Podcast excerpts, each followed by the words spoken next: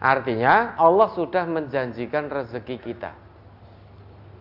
Rezeki yang Allah janjikan tentu yang halal dan toyib. Kalau itu tidak halal dan tidak toyib, maka namanya bukan rezeki. Karena rezeki yang Allah jamin hanya halal dan toyib. Kalau itu hasil dari riba, itu bukan rezeki. Dan itu bukan sesuatu yang dijanjikan oleh Allah. Berarti kalau kita mendapatkan hasil dari transaksi ribawi, Padahal itu bukan yang dijanjikan oleh Allah, berarti kita telah melanggar aturan Allah. Orang yang melanggar aturan Allah berarti dia telah bermaksiat kepada Allah.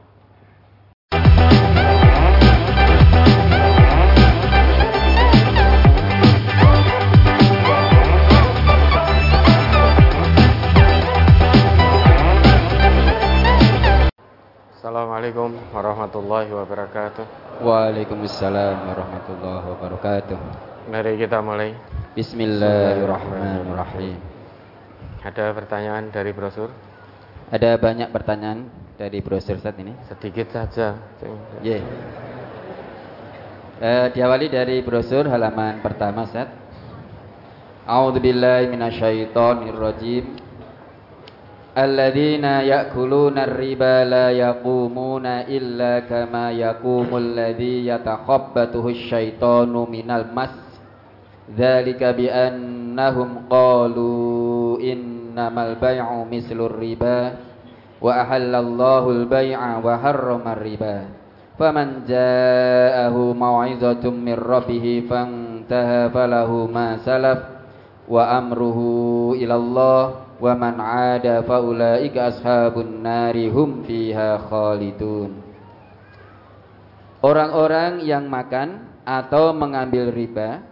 tidak dapat berdiri melainkan seperti berdirinya orang yang kemasukan syaitan lantaran tekanan penyakit gila. Keadaan mereka yang demikian itu adalah disebabkan mereka berkata atau berpendapat Sesungguhnya jual beli itu sama dengan riba. Padahal Allah telah menghalalkan jual beli dan mengharamkan riba. Orang-orang yang telah sampai kepadanya larangan dari Tuhannya, lalu terus berhenti dari mengambil riba, maka baginya apa yang telah diambilnya dahulu sebelum datang larangan, dan urusannya terserah kepada Allah. Orang yang mengulangi atau mengambil riba, maka orang itu adalah penghuni-penghuni neraka. Mereka kekal di dalamnya. Al-Baqarah ayat 275. Mohon penjelasan pada kalimat orang-orang yang makan atau mengambil riba tidak dapat berdiri melainkan seperti berdirinya orang yang kemasukan syaitan lantaran tekanan batin. Dan berdasarkan ayat ini, apakah syaitan atau jin bisa masuk ke tubuh manusia, Ustaz? Bisikannya yang bisa masuk. Kesurupan itu lah. Nah, kesurupan setan itu tidak ada. Ini maksudnya orang yang terlibat dalam praktek ribawi itu hatinya tidak tenang. Hidupnya tidak tenang. Bagi yang memberi riba, ketidaktenangannya salah satunya bisa ditunjukkan ketika utangi radi sahur. Nah, dia nagih terus. Berbagai cara dilakukan. Was-was kalau utangnya atau uang yang sudah dipinjamkan tidak dikembalikan. Bagi yang utang itu kaya diuyak-uyak. Apalagi tidak ada uang untuk mengembalikan. Besok jatuh tempo, belum lagi bayar sekolah, belum lagi anaknya sakit. Sehingga dunia gelap. Terus didatangi, ditagih ini itu dan lain sebagainya. Khawatir rumahnya nanti dilelang, apa namanya, mobilnya dilelang dan lain sebagainya karena tidak bisa ngangsur dan duyak-uyak baik yang memberi riba ataupun yang memakan riba itu hatinya tidak tenang, jiwanya tidak tenang. Bagi yang memberi riba karena itu menjadi keuntungan, maka terus pikirannya berputar bagaimana besok cari nasabah baru. Cari nasabah baru. Panjenengan utang riba sudah mau lunas, masih separuh, jangankan separuh. Angsuran panjenengan lancar, nanti sudah ditawari lagi. Tawari yang lebih besar. Alhamdulillah Bapak Ibu ini termasuk nasabah berprestasi. Angsurannya lancar, maka sebagai wujud reward penghargaan kepada nasabah yang berprestasi kami dari lembaga keuangan ini memberikan tawaran untuk penambahan pinjaman tanpa syarat.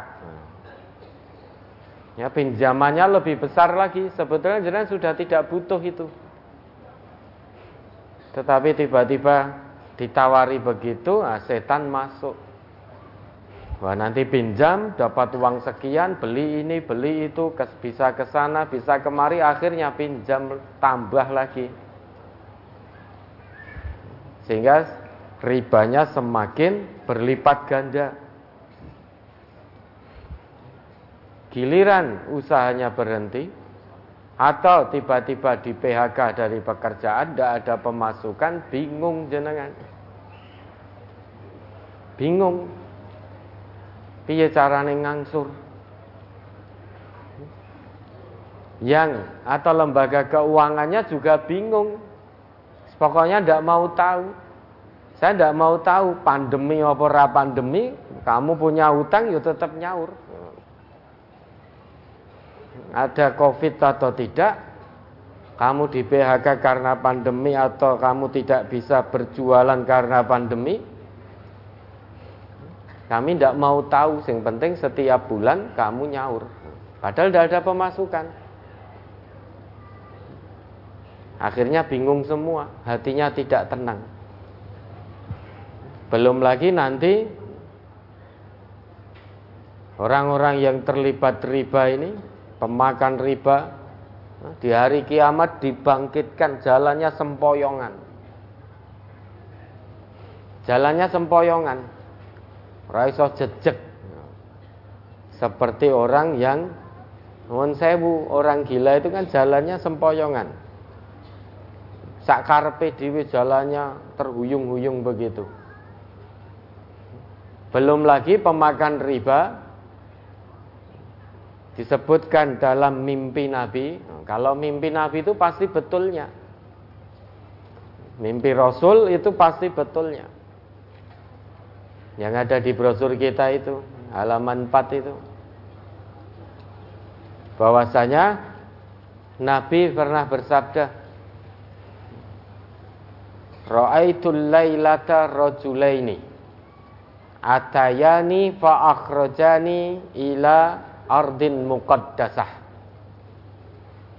Aku pernah bermimpi pada satu malam tentang dua orang Dua orang ini mendatangiku, yaitu mendatangi Nabi. Kemudian membawa aku keluar menuju tanah suci. Fantolakna hatta ataina ala naharin min damin. Kemudian kami berangkat, Nabi beserta dua orang tadi yang datang, hingga beliau-beliau ini sampai pada sungai di mana airnya adalah darah. Fihi rajulun qaimun. Di tengah-tengah sungai itu ada seorang laki-laki yang berdiri.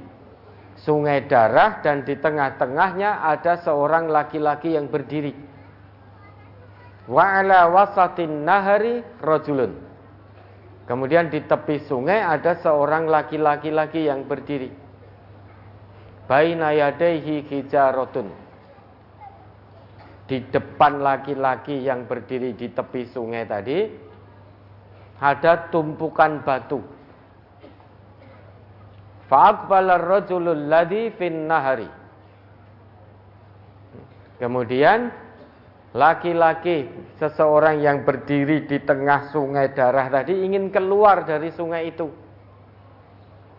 Faida arada yakhruja romar rajulu bihajarin fi fihi faraddahu haitsu kana. Namun setiap kali dia arep mentas, seseorang yang berdiri di tepi, di depannya ada tumpukan batu tadi, dia lemparkan batu-batu itu ke arah mulut orang yang di tengah sungai tadi. Mau keluar, mau mentas, dibalangi. Dilempari batu mulutnya. Dan terus itu dilakukan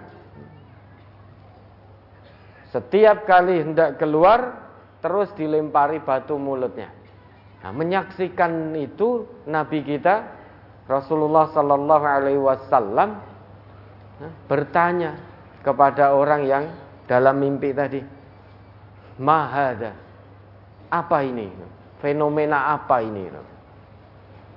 Kemudian orang tadi menjawab, Alladhi ro'aitahu fin nahari akilur riba yang kamu lihat atau yang kau lihat wahai Rasulullah orang yang ada di tengah sungai tadi yang mau keluar dilempari batu mulutnya sehingga tidak bisa keluar tetap berada di tengah sungai darah itu itulah pemakan riba. Jadi gambarannya luar biasa. Dan ini nyata karena ini mimpi Rasulullah. Bagaimana siksaan yang akan diterima oleh pemakan riba oleh orang-orang yang terlibat riba.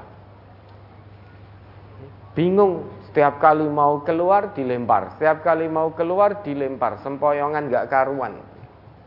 Itu seksaan yang akan diterima. Di samping itu Nabi kita juga melaknat ada empat golongan yang dilaknat oleh Nabi terkait riba. La'ana Rasulullah sallallahu alaihi wasallam akilar riba. Rasulullah sallallahu alaihi wasallam melaknat pemakan riba. Wa mukilahu orang yang memberi riba. Wa syahidaihi dua orang saksi transaksi riba. Wa katibahu dan pencatat riba. Qala hum sawaun. Nabi kita bersabda, keempat-empatnya adalah sama saja, yaitu dalam laknat Rasulullah sallallahu alaihi wasallam. Sehingga pemakan riba itu yang terlibat dalam transaksi riba mulai dari pemakannya mulai dari yang memberi yang memberi riba pencatat riba, saksi transaksi ribawi, semuanya hatinya tidak tenang. Kenapa? Karena hidup dalam laknat Rasulullah Sallallahu Alaihi Wasallam. Bagaimana bisa jiwanya tenang? Sedangkan dia dijanjikan oleh Allah sebagai ashabun nar, calon penghuni-penghuni neraka, kekal di dalamnya selama-lamanya tentu hidupnya tidak akan tenang. Di dunia tidak tenang sampai di hadapan Allah disiksa dengan siksaan yang bertubi-tubi. Hanya gara-gara menginginkan kesenangan yang sifatnya sementara di dunia dari hasil riba. Memang tidak dipungkiri manusia itu suka dengan yang namanya uang Ya, apalagi tiba-tiba dalam keadaan butuh ditawari uang sak gepuk gitu. Tanpa bekerja dulu. Ditawari tiba-tiba oleh rentenir bank plecet itu syaratnya mau fotokopi KTP ya, bisa dapat uang 10 juta hanya menyerahkan fotokopi KTP Kebetulan besok wayai mau testing. Anaknya belum bayar SPP, kalau belum bayar SPP tidak boleh ikut testing. Atau ada anggota keluarga yang sakit. Atau besok jatuh tempo hutang di lembaga keuangan di bank misalkan. Tiba-tiba didatangkan uang seperti itu. Tanpa pikir panjang, dia menerima pinjaman itu. Ya sudah. Berarti dia memang siap untuk diseret masuk neraka. Kalau tidak bertobat. Dan terus dalam praktek ribawi kata Allah dalam ayat ini wa man ada faulaika ashabun nar hum fiha khalidun Barang siapa yang mengulang kembali melakukan praktek ribawi setelah datang peringatan kepada mereka dijanjikan oleh Allah faulaika ashabun nar hum fiha khalidun. Mereka itulah penghuni-penghuni neraka kekal selama-lamanya di dalamnya. Nah, ini bahayanya riba dunia senenge rasa piro hati tidak tenang sampai di hadapan Allah seret masuk neraka selama-lamanya. Akhirnya menyesal tiada guna. Ya ada lagi? Eh, sebelumnya ada satu pemberitahuan kepada pemilik mobil Picanto warna hitam warna hitam. Dengan nomor polisi AD 1297 FL yang diparkir di selatan Adria, lampu masih menyala. Lampu masih menyala untuk mobil Picanto warna hitam AD 1297 FL terparkir di selatan Adria. Silahkan dimatikan dulu. Ya, silakan. Tekor rakinya nanti. Ya, ada lagi. Berikutnya halaman 3 Ustaz. Di surat Ali Imran ayat 130. يا أيها الذين آمنوا لا تأكلوا الربا أضعافا مضاعفة واتقوا الله لعلكم تفلحون Hai orang-orang yang beriman Janganlah kamu memakan riba dengan berlipat ganda Dan bertakwalah kamu kepada Allah Supaya kamu mendapat keberuntungan Mohon dijelaskan Hai orang yang beriman, janganlah kamu memakan riba dengan berlipat ganda, Ustaz. Itu sudah sangat jelas. Riba itu tambahan. Apakah lantas ayat ini kemudian kita gunakan sebagai dalih? Mau oh, saya ribanya hanya sedikit Hanya kecil. Bunganya hanya 0,000 sekian persen. Tidak berlipat ganda. Tidak bisa ayat ini kita jadikan sebagai dalih itu. Yang namanya riba sedikit atau banyak, kecil atau besar, kalau memang itu ada tambahan, itu namanya riba. Sedangkan Nabi kita ngendiko riba jahiliyah semuanya sudah dihapus. Sehingga tidak ada lagi riba. Riba jahiliyah itu dulu biasa orang pinjam satu dinar mengembalikan dua dinar. Contohnya seperti itu. Pinjam dua dinar dengan perjanjian kembali tiga atau empat dinar. Sehingga dalam utang piutang ada kelipatan pengembalian. Kamu saya pinjami uang sekian, nanti diambil dalam jangka waktu sekian tahun, nah, terus kemudian ada tambahan. Itu namanya riba. Bunganya kecil atau besar tetap riba. Berlipat-lipat ganda atau hanya sedikit berlipat ganda itu tetap riba. Sehingga ayat ini bukan sedang menjelaskan bahwa riba yang bunganya kecil itu diperbolehkan, bukan. Karena dulu memang biasa orang transaksi riba itu karena riba itu merupakan satu keuntungan dia transaksi riba dengan berlipat ganda semakin besar bunganya maka keuntungannya semakin berlipat. Namun kemudian semua riba jahiliyah telah dihapus. Baik kecil bunganya maupun besar bunganya maka sudah dihapus. Bukan berarti lantas bunganya kecil jadi halal, bukan. Tetap haram mau bunganya kecil mau bunganya sedang mau bunganya besar yang namanya riba tetap riba. Dan pelaku-pelaku transaksi ribawi baik dengan bunga kecil, sedang, besar tetap hidup dalam laknat Rasulullah. Ya, ada lagi. Halaman 5 masuk ke halaman 6. An Abi Hurairah qala qala Rasulullah sallallahu alaihi wasallam ar-riba sab'una huban aisaruha an yankihar rajulu ummahu. Dari Abu Hurairah ia berkata, Rasulullah sallallahu alaihi wasallam bersabda, riba itu mempunyai 70 tingkatan. Yang paling ringan adalah seperti seseorang yang berzina dengan ibunya.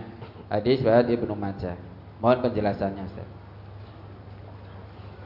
Hadis itu doif ya. Secara sanad doif Tetapi secara makna Hadis itu menjelaskan betapa besar bahaya riba. Bahkan sampai dikatakan di situ riba itu punya 70 pintu. 70 cara yang paling ringan ayang kihar rojulu ummahu. Seseorang menzinai ibu kandungnya. Ini menjelaskan secara makna betapa besar bahaya riba. Hadisnya doaif memang. Secara sanad doaif. Tapi secara makna menjelaskan tentang bahaya besar riba. Kita tahu yang namanya zina itu sangat dilaknat oleh Allah.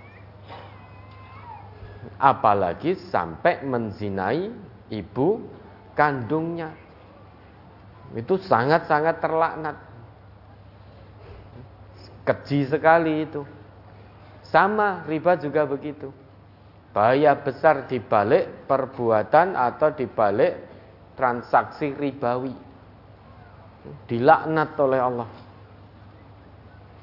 Bahkan tadi sudah dijelaskan Allah sendiri yang ngendiko, Allah yang berfirman, Allah yang menjanjikan sing tetap ngeyel setelah datang peringatan dari Quran, dari sunnah Nabi tentang haramnya riba, masih ngeyel melipir-melipir, Ya, masih melipir-melipir biar tetap dapat uangnya, dapat keuntungannya, tidak peduli melanggar riba. Dijanjikan oleh Allah, faulaika ashabun nar hum fiha khalidun. Mereka itu penghuni neraka, kekal di dalamnya selama-lamanya. Ini yang mengatakan Allah. Kalau Allah sendiri yang sudah mengatakan, maka siapa yang bisa menolak? Karena Allah itu pasti, janji Allah itu pasti nyata. Panjenengan kalau tidak percaya, silahkan di sisa ajal ini teruslah terlibat dalam transaksi riba. baik pemakan riba atau yang memberi riba atau yang menjadi saksi transaksi riba atau sebagai pencatat transaksi riba. Kalau tidak percaya dengan apa yang Allah janjikan ini. Silahkan al-amru mufawwad ilaikum. Pilihan ada di tangan panjenengan setelah datang, setelah tahu haramnya riba dari Quran, dari hadis, hanya gara-gara ingin mendapatkan keuntungan dunia yang menipu ini, terus terlibat dalam praktek ribawi, niscaya dia akan menemukan bukti nyata dari apa yang telah Allah janjikan. Ini ketentuan Allah, ketentuan Rasul, aturan agama. Aturan agama itu ya, berulang kali kita jelaskan hanya ada dua, if'al atau la taf'al, kerjakan atau jangan kerjakan. Kalau itu perintah Allah, perintah Rasul, kerjakan. Kalau itu larangan Allah, larangan Rasul, tinggalkan. Sekalipun kita hanya makan dari akar pepohonan. Jangan sampai gadekan akidah hanya gara-gara untuk mendapatkan keuntungan duniawi. Pegang erat akidah ini, Quran Sunnah ini dengan gigi geraham kita. Jangan sampai terlepas Meskipun kita hanya memakan akar dari pepohonan. Jangan tinggalkan Quran Sunnah ini. Karena hanya ini yang akan menyelamatkan kita di dunia dan lebih-lebih nanti di hadapan Allah. Hadis ini doaif sanatnya, namun maknanya menjelaskan betapa besar bahaya riba. Zina itu keji. Begitu pula riba, perbuatan terlaknat. Pelaku-pelakunya baik pelaku zina kalau tidak taubat dijanjikan neraka. Begitu pula pelaku riba. Tidak taubat janjinya adalah neraka. Apa enek neraka kuwi? Ya besok dibuktikan sama-sama. Kalau tidak percaya neraka dan surga. Kalau kita orang yang beriman sangat percaya sepenuh hati adanya kehidupan yang abadi sesudah kematian kita di dunia ini. Dan di sana hanya ada dua tempat. Surga atau neraka. Tidak ada al-manzilah baina manzilaten. Satu tempat di antara dua tempat itu tidak ada adanya surga atau neraka. Ya, ada lagi. Halaman 6. An Abi Hurairah qol qala Rasulullah sallallahu alaihi wasallam la ya'tiyanna 'alan nasi zamanun la yabqa minhum ahadun illa akilur riba faman lam yakul asabahu min hubarihi Rawah Ibnu Majah.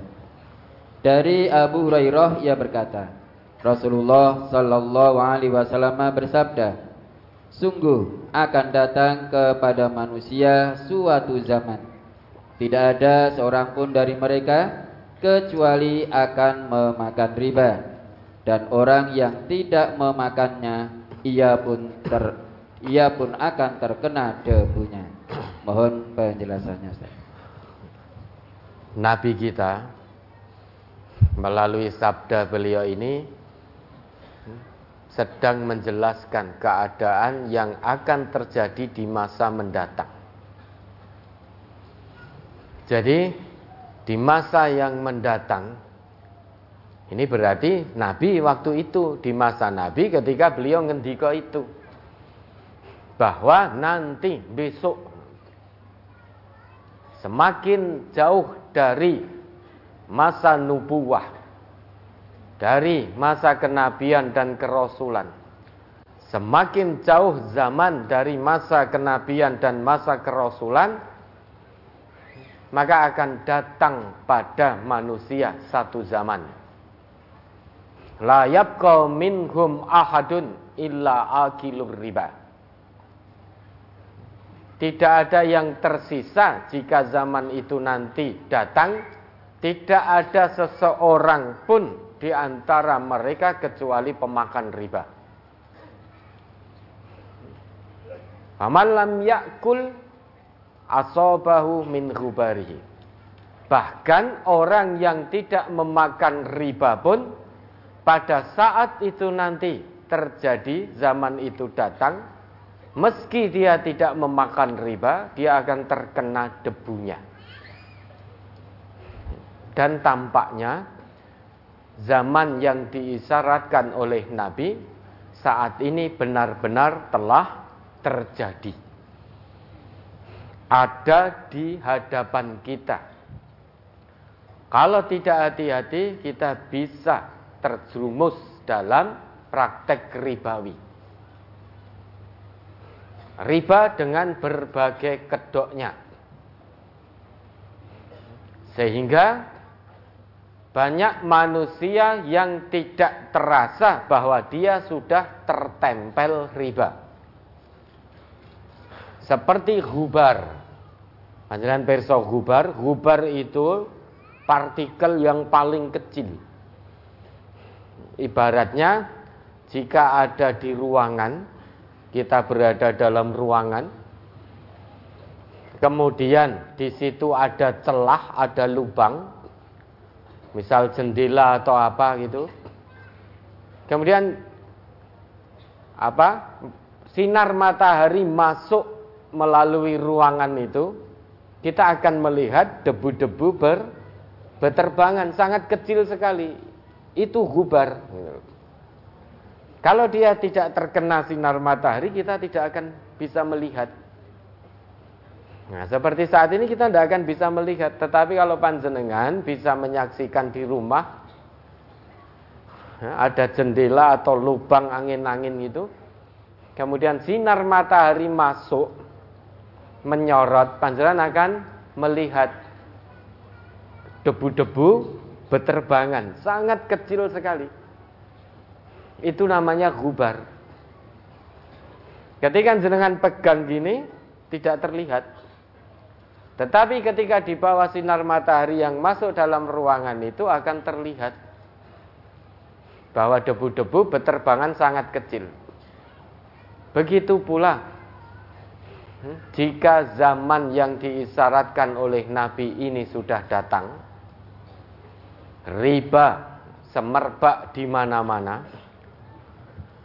Orang yang tidak makan riba pun dia tidak hati-hati, dia akan tertempel riba. Sebagaimana debu atau gubar yang berterbangan ke mana-mana. Banyak di antara kita yang tertempel gubar itu, debu itu, namun kita tidak tahu. Apa yang melekat pada diri kita, dari atas sampai bawah, sebetulnya kita tertempel gubar. Saat ini pun pakaian kita, tubuh kita, badan kita, wajah kita itu tertempel gubar namun kita tidak menyadari, tidak terasa. Saking samarnya gubar itu. Sebagaimana riba. Kalau dulu zaman jahiliyah terang-terangan. Kalau sekarang ini, zaman sekarang ini hampir-hampir kita tidak tahu apakah itu riba atau bukan. Dikemas sedemikian rupa, begitu halus kemasannya, sehingga banyak orang merasa itu bukan riba. Banyak orang merasa itu transaksi yang dibenarkan oleh agama. Sehingga masuklah dia atau terlibatlah dia dalam transaksi itu. Karena tidak menyadari tipis sekali, samar sekali riba pada zaman yang diisyaratkan oleh Nabi ini. Samarnya tidak terlihatnya sebagaimana gubar yaitu debu yang tidak kasat mata. Sangat samar sekali. Maka sekalipun kita sebetulnya tidak menginginkan makan riba, namun jika kita sudah hidup di zaman itu, maka harus lebih waspada, harus lebih hati-hati. Jangan mudah-mudah menerima transaksi yang memang belum jelas kehalalannya. Meskipun iming-imingnya jutaan rupiah, ratusan juta rupiah, miliaran bahkan. Namun jika transaksi itu tidak jelas dari sisi syariat, jangan coba-coba masuk dalam transaksi itu. Karena kalau tidak hati-hati, ternyata di situ ada unsur ribanya, kita tidak tahu. Lebih baik, lebih selamat kita tinggalkan transaksi yang memang kita tidak tahu. Sekalipun mendatangkan keuntungan yang berlipat. Segala yang masih ragu tinggalkan. Jika zaman itu sudah datang, di mana-mana terjadi transaksi riba, bukan berarti kemudian kita harus ikut-ikutan makan riba. Wis zaman zaman riba, mustahil kan selalu kita dengar. Hari gini, zaman sekarang kok tidak terlibat riba. Zaman sekarang kok meninggalkan riba, bagaimana caranya? Karena di mana-mana sudah terdapat riba. Kalau kita hidup di zaman yang Nabi isyaratkan, maka sekecil apa pun peluang untuk bisa menghindar dari riba, maka ambil peluang itu. Sekecil apa pun. Bahkan peluang yang paling kecil seperti gubar pun, seperti debu, harus kita ambil peluang itu untuk menghindar dari riba. Ini maksud dari hadis itu. Bukan lantas kita menggunakan hadis ini sebagai dalil. Oh sekarang semuanya di mana-mana riba. Tidak mungkin kita hidup tanpa riba. Bagaimana mungkin zaman yang riba sudah di mana-mana kok kita mau menghindar dari riba? Bagaimana caranya? Nah, itu bisikan hawa nafsu setan sehingga keluarlah kalimat-kalimat seperti itu.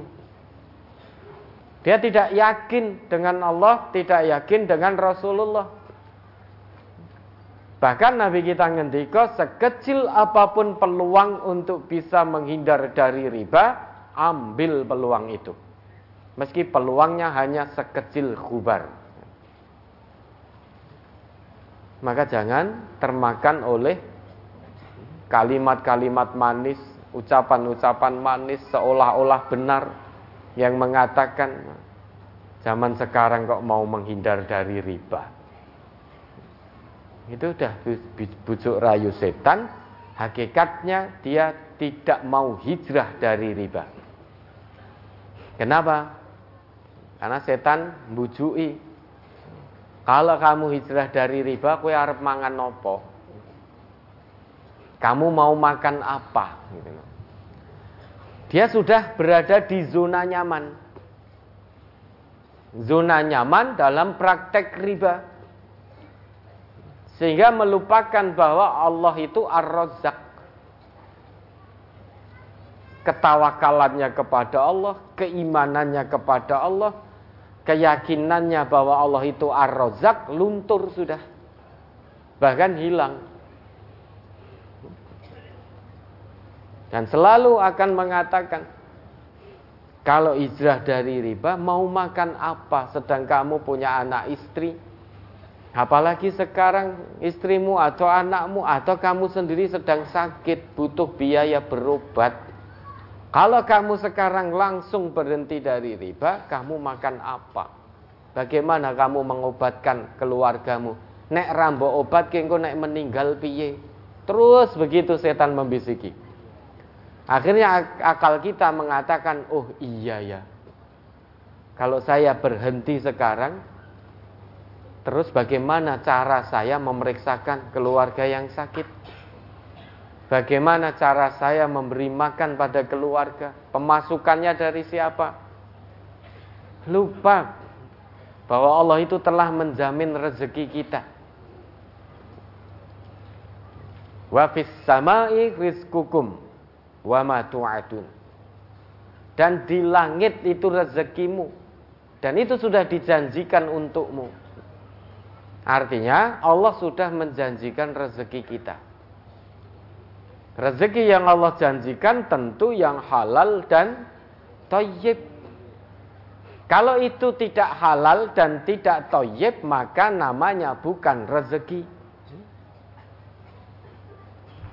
Karena rezeki yang Allah jamin hanya halal dan toyib.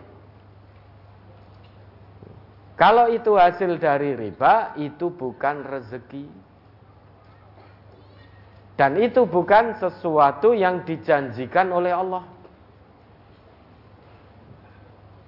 Berarti kalau kita mendapatkan hasil dari transaksi ribawi, Padahal itu bukan yang dijanjikan oleh Allah, berarti kita telah melanggar aturan Allah.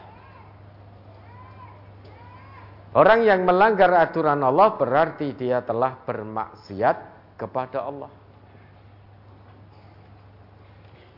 Maka hati-hati. Hati-hati. Bahayanya riba. Ya, ada lagi halaman 8 Ustaz. An Abi Salihin qala sami'tu Aba Sa'idin Al-Khudriyya yaqulu Ad-dinaru bid-dinari wa dirhamu bid-dirhami mislan bimislin. Man zada aw isdada faqad arba. Faqultu lahu Inna ibn Abbasin yaqulu ghaira hadha. Faqala laqad laqitu ibn Abbasin. Faqultu Ara'aita hadha alladhi taqulu asyai'un sami'tahu min Rasulillah sallallahu alaihi wasallam aw wajadtahu fi kitabillahi azza wa jalla faqala lam asma'hu min Rasulillah sallallahu alaihi wasallam wa lam ajidhu fi kitabillahi.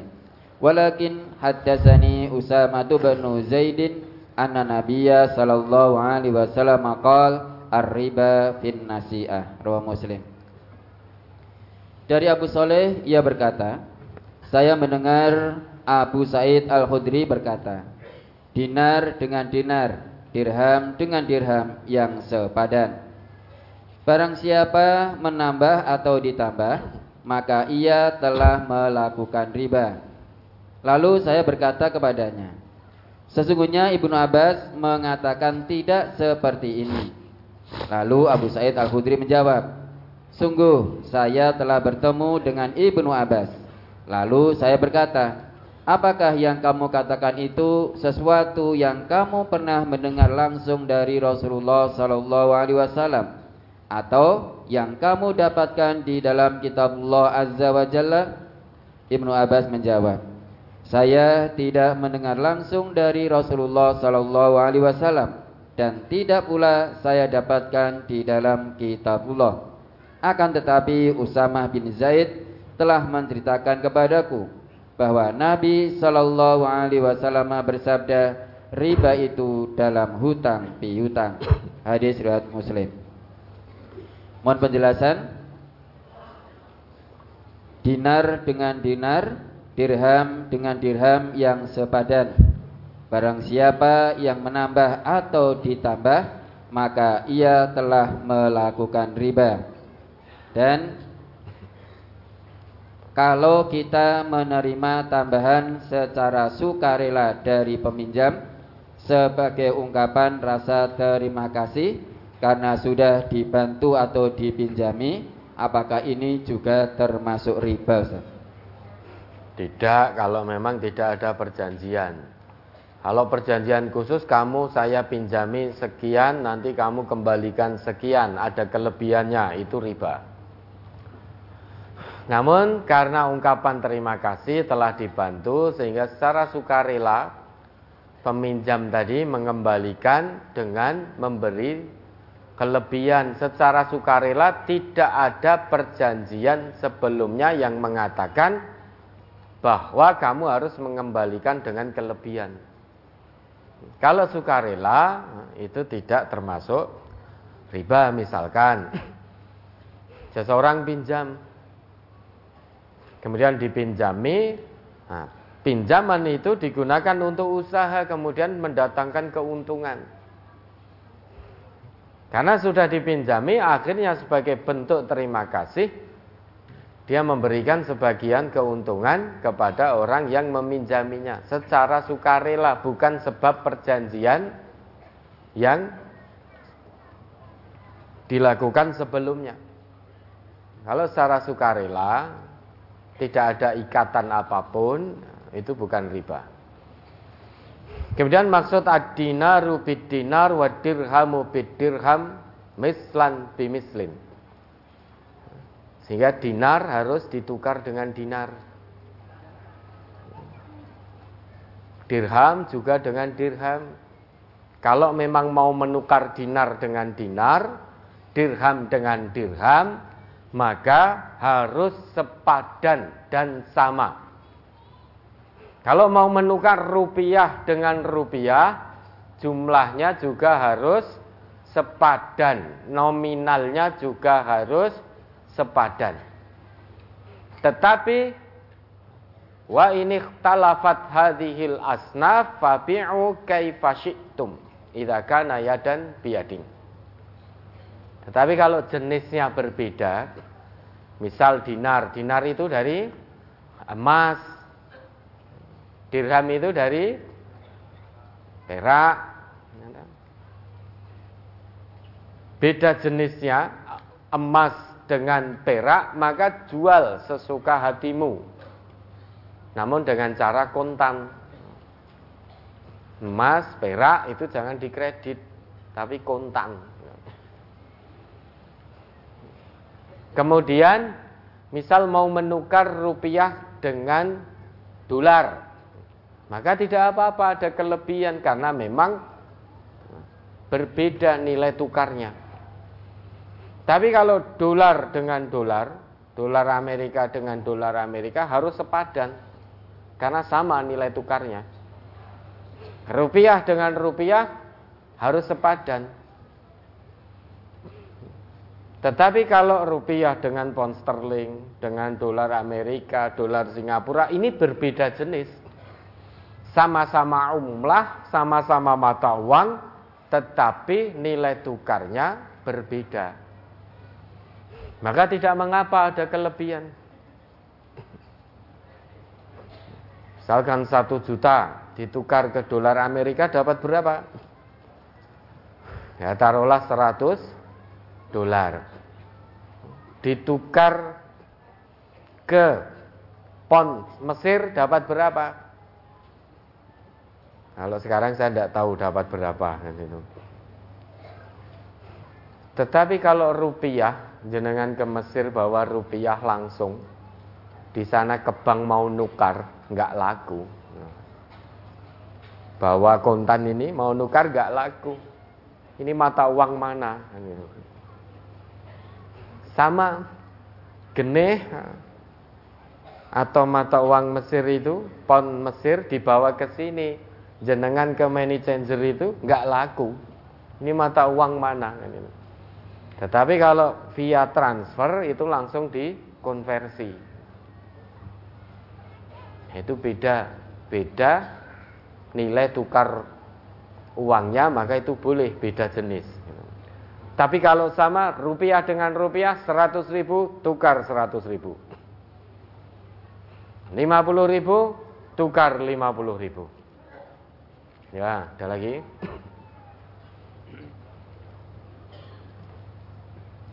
Buku rekening saya di bank umum bukan syariah berkaitan dengan pembayaran gaji lewat bank. Agar tidak terkena riba, maka saya mengajukan permohonan kepada bank agar tidak memberi bunga pada rekening tabungan saya. Permohonan dengan surat bermaterai. Permohonan saya disetujui sehingga rekening tabungan saya sudah tidak diberi bunga tabungan dari bank. Yang demikian itu bagaimana Ustadz? Mohon tausiahnya Bisakah tabungan saya tetap di bank tersebut dengan tidak diberi bunga Ustaz? Fattakullah mastata'tum. Kalau memang gaji harus melalui bank konven. Karena perusahaan itu terikat kerjasama memberikan gaji melalui bank itu. Dengan salah satu karyawannya. Nah, mau tidak mau otomatis gaji yang diterima ditransfer ke bank itu. Nah, bentuk kemaksimalan panjenengan untuk menghindar dari riba salah satunya mengajukan permohonan agar tidak diberi bunga. Sehingga murni di situ gaji panjenengan tanpa ada bunga. Itu bentuk kemaksimalan. Itu sudah bagus. Ternyata banyak cara. Allah itu tunjukkan cara-cara kalau memang kita serius ingin menghindar dari riba. Ternyata ya bisa. Setidaknya sampai hari ini kemaksimalannya adalah mengajukan permohonan jangan sampai rekeningnya diberi tambahan atau diberi bunga sehingga hanya murni gaji. Maka boleh saja. Itu bentuk kemaksimalan.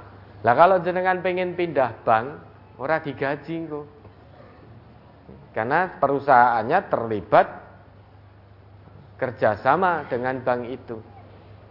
Maka sudah betul bentuk kemaksimalan yang panjenengan lakukan Ya, semakin kita yakin dengan Allah ingin hijrah, yakin loh, Allah akan semakin tunjukkan cara, tunjukkan jalan. Tidak menutup kemungkinan satu hari nanti perusahaannya digerakkan oleh Allah sehingga kerjasamanya ganti dengan lembaga keuangan syariah.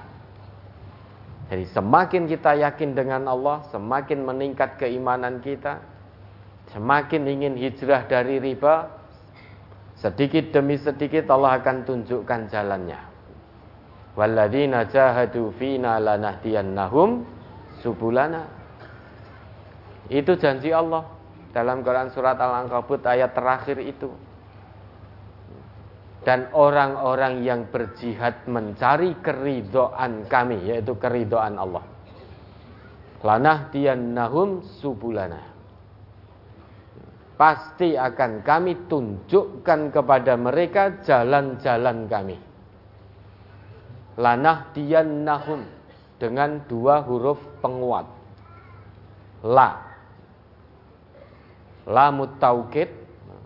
Lam yang berfungsi untuk menguatkan makna. Menguatkan apa yang telah Allah janjikan lanah diannahum lanah dianna nunnya ada tasdid. Nah, nunnya syiddah. Itu namanya nunut taukid. Nun penguat yang berfungsi untuk menguatkan apa yang telah Allah janjikan dalam ayat itu. Berarti dalam ayat itu Allah kuatkan janjinya dengan dua huruf penguat ini bermakna dua kali sesungguhnya. Padahal tanpa huruf penguat pun kalau Allah sudah janjikan itu sudah sangat kuat. Agar hambanya semakin yakin dengan janji Allah sampai-sampai Allah sebutkan janjinya dilengkapi dengan dua huruf penguat yang bermakna dua kali sesungguhnya. Kalau sudah begini, apakah ada alasan untuk kita meragukan janji Allah? Tidak ada alasan lagi untuk kita meragukan janji Allah.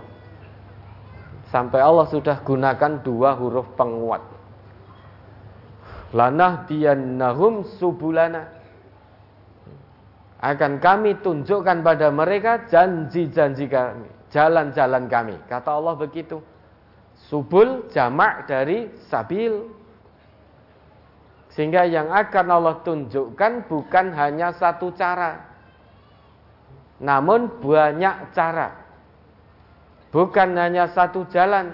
Bagi orang yang pengen hijrah itu, Allah akan tunjukkan bukan hanya satu cara saja. Bukan hanya satu jalan. Banyak cara, banyak jalan. Maka satu demi satu Allah akan berikan cara itu. Syaratnya kita betul-betul hijrah karena Allah. Hijrah mencari ridho Allah. Maka satu demi satu Allah akan tunjukkan caranya. Oh, mungkin dengan cara mengajukan dulu sehingga rekeningnya tidak diberi riba. Nanti berikutnya tidak menutup kemungkinan Allah akan tunjukkan cara kedua perusahaannya beralih kerjasamanya dengan lembaga-lembaga keuangan syariah dan lain sebagainya dan lain sebagainya. Satu hal yang harus kita yakini betul. Tanamkan keyakinan kuat-kuat dalam jiwa. Terkait apa yang sudah Allah janjikan, apa yang sudah Rasul janjikan. Jangan pernah meragukan sedikit pun tentang janji Allah dan janji Rasulnya. Ya, ada lagi. Apakah dinar atau dirham itu bisa disamakan dengan rupiah. Jika rupiah terkena inflasi, apakah sama dengan dinar? Apakah alasan inflasi dengan turunnya nilai rupiah setiap tahun bisa dijadikan alasan memberi tambahan pada hutang dikarenakan satu juta hari ini berbeda nilai dengan satu juta rupiah tahun depan. Berbeda dengan dinar yang berlandaskan nilai emas yang tidak terpengaruh pengurangan nilai. Ustaz. Biar bagaimanapun tetap tidak sama rupiah dengan dinar. Ya, sampai kapan pun tidak akan sama. Kuat mana? Ya, kuat dinar. Tapi kita hidup di negeri yang memang mata uang kita rupiah. Jangan transaksi di sini jual beli dengan dinar, sekalipun itu bahannya dari emas tidak laku. Beli pon-pon dengan dinar, itu tidak laku nanti. Tidak laku. Beli sawi dengan dinar di pasar, penjualnya bingung iki ditopo. Kan Sini yang laku rupiah itu sudah kita sepakati bersama. Maka mata uang asing pun kalau kita bawa ke sini mau dibelanjakan tukarkan dulu ke rupiah. Itu sudah kesepakatan kita. Nah, sebagai warga negara yang baik kita ikuti aturan itu. Transaksi jual beli dengan rupiah. Lah apakah kemudian itu bisa dijadikan dalih karena menurunnya nilai tukar rupiah? Sehingga hutang satu juta saat ini nanti 10 tahun lagi baru disaur ya jangan satu juta karena satu juta 10 tahun lagi sudah tidak dapat apa-apa apa begitu makanya kata Nabi matlul ghaniyyi dulmun Orang yang sudah punya mampu untuk membayar hutang kok randang disaur ke mergo iman-iman itu satu kedoliman. Kenapa? Karena satu juta tahun ini tidak sama dengan satu juta sepuluh tahun lagi. Zolim toh? Sebetulnya saat ini sudah bisa nyaur. Namun karena iman-iman sehingga digunakan dulu Allah gampang wong kayak wong sugih. Ini surah butuh iki kono cek duwe duit terus dah saya gunakan dulu.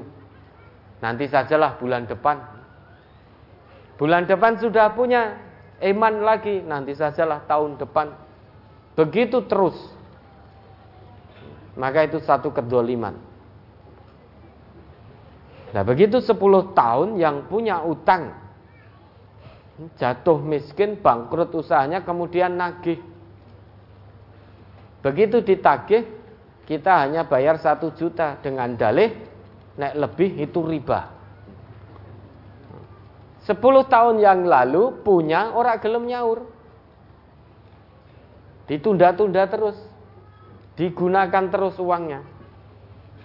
Giliran ditagih karena yang punya utang mang bangkrut butuh betul bayarnya hanya satu juta. Memang iya betul bayarnya harus satu juta. Tetapi itu satu bentuk kezoliman. Sudah punya kenapa ditunda? Makanya bapak dan ibu ya usahakan hidup tanpa hutang Usahakan hidup tanpa hutang. Kalau memang tidak sangat-sangat urgent, sangat penting, jangan hutang. Tanamkan dalam jiwa sifat kona'ah. Bersyukur atas apa yang Allah berikan. Nabi kita mengajarkan pada kita untuk tidak berhutang. Beliau terus berdoa kepada Allah. Allahumma inni a'udzubika minal ma'fami wal maghram. Ya Allah, aku berlindung kepadamu ya Allah dari berbuat dosa dan dari hutang. Ada yang bertanya kepada Nabi, Ma aksaro ma tasta'idu ya Rasulullah minal maghram Baik Rasulullah Kenapa engkau banyak sekali memohon perlindungan kepada Allah dari hutang? Kata Nabi Innar rajula idha gharima Innar rajula idha gharima hadasa fakadabah bahwa ada fa'akhlafa. Sesungguhnya seseorang itu kalau berhutang, ketika dia berbicara, potensi berdusta. Potensi bohong. Pangapunten, kula mriki ingkang sepindah silaturahim. Wis ngapusi sik. Ya Tujuan utamanya tidak silaturahim. Engkang kaping kalih niki dalam begini begini begini. Intinya butuhlah menawi berkenan badhe ngresai. Mengke satu minggu mengke dinten Senin saya kembalikan. Nah, akhirnya disili begitu disili seminggu wis ora silaturahim meneh sudah tidak silaturahim lagi. Bahkan nomornya ganti itu. Nomor HP-nya ganti. Di WA tidak balas, dihubungi sudah tidak aktif. Nomor yang Anda tuju tidak apa itu? Ya, soalnya itulah. Nomor yang Anda tuju tidak terdaftar. Dengan rawuh ke rumahnya tidak pernah ada. Atau ada tetapi tidak mau nemui. Atau kalau nanti nemui lebih galak daripada jenengan. Nemui bawa arit, bawa gebuk. Tak sahur, tak sahur. Layon di mengko dhisik kandhani ngeyel. Padahal ketika datang pertama manis sekali. Pangapunten dalam mriki ingkang sepindah silaturahim. Manis sekali, halus sekali. Ingkang nomor kali menceritakan kebutuhannya, kepentingan. sebetulnya datangnya itu ya nomor dua itu kepentingan utamanya. Coba ora izin gitu. Itu tidak perlu rawuh ke rumah jenengan cukup telepon Pak, saya pinjem uang sekian, transfer ya. Karena malu ya, datang silaturahim. Maka sekarang ini kasihan kata silaturahim itu. Nyata dimanfaatkan.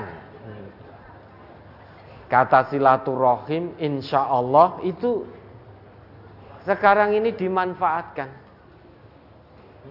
Besok ngaji ya, tak anu datang ke Ahad pagi. Insya Allah padahal hatinya males. hatinya males aku rarep teko. Besok mau diampiri sebelum jam ngampiri saya mau pergi dulu. Terus besoknya ketemu kemarin saya ampiri ke rumah kok nggak ada. Oh nggih kula kesupen. Bohong lagi toh. Kula kesupen. Kula kesupen nek pun enten janjian mau ahad pagi. Padahal kemarin sudah insya Allah. Sehingga insya Allah ini ngapusi. Sama kapan jenengan mau mengembalikan utang ini seandainya saya pinjami.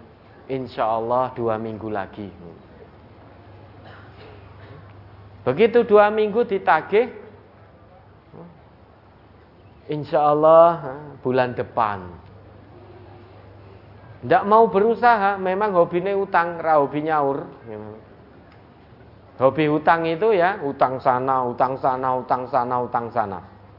Naik kene ditagih wayai nyaur, wes pakewo nanti gali lubang sana, sahur ke sini.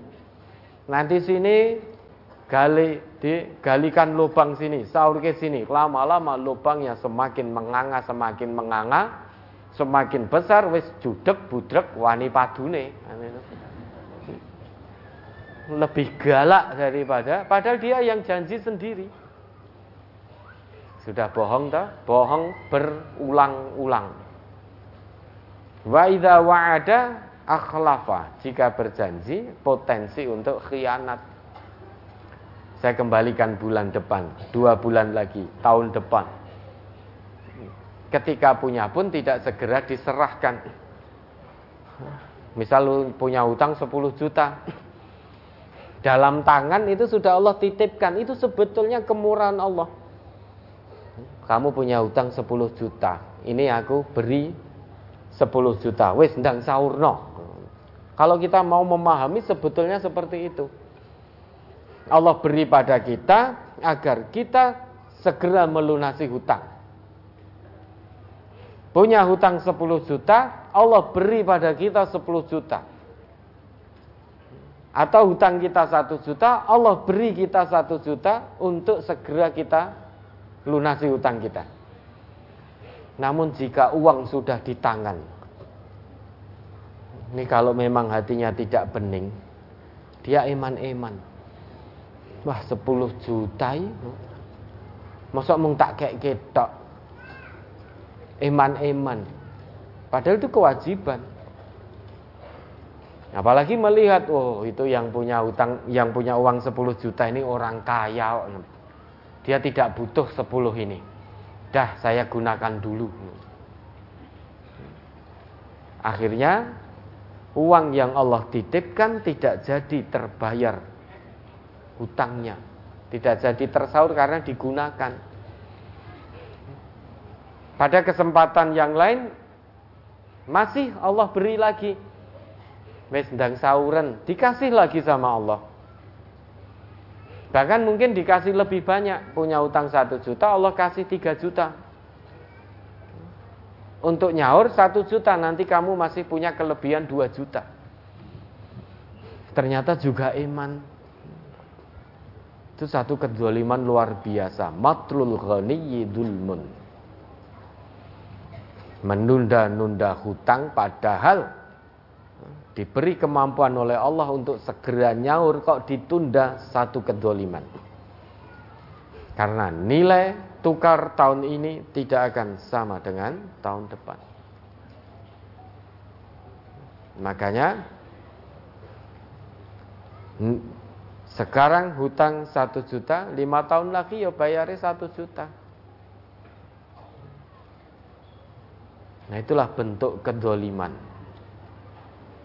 Nah kalau betul-betul belum punya bagaimana? Padahal usah, udah, sudah berusaha semaksimalnya. Nah itu cerita lain. Karena betul-betul sudah berusaha, tidak bermalas-malasan, sudah ke sana kemari bekerja dan lain sebagainya, ternyata memang belum ada kemampuan.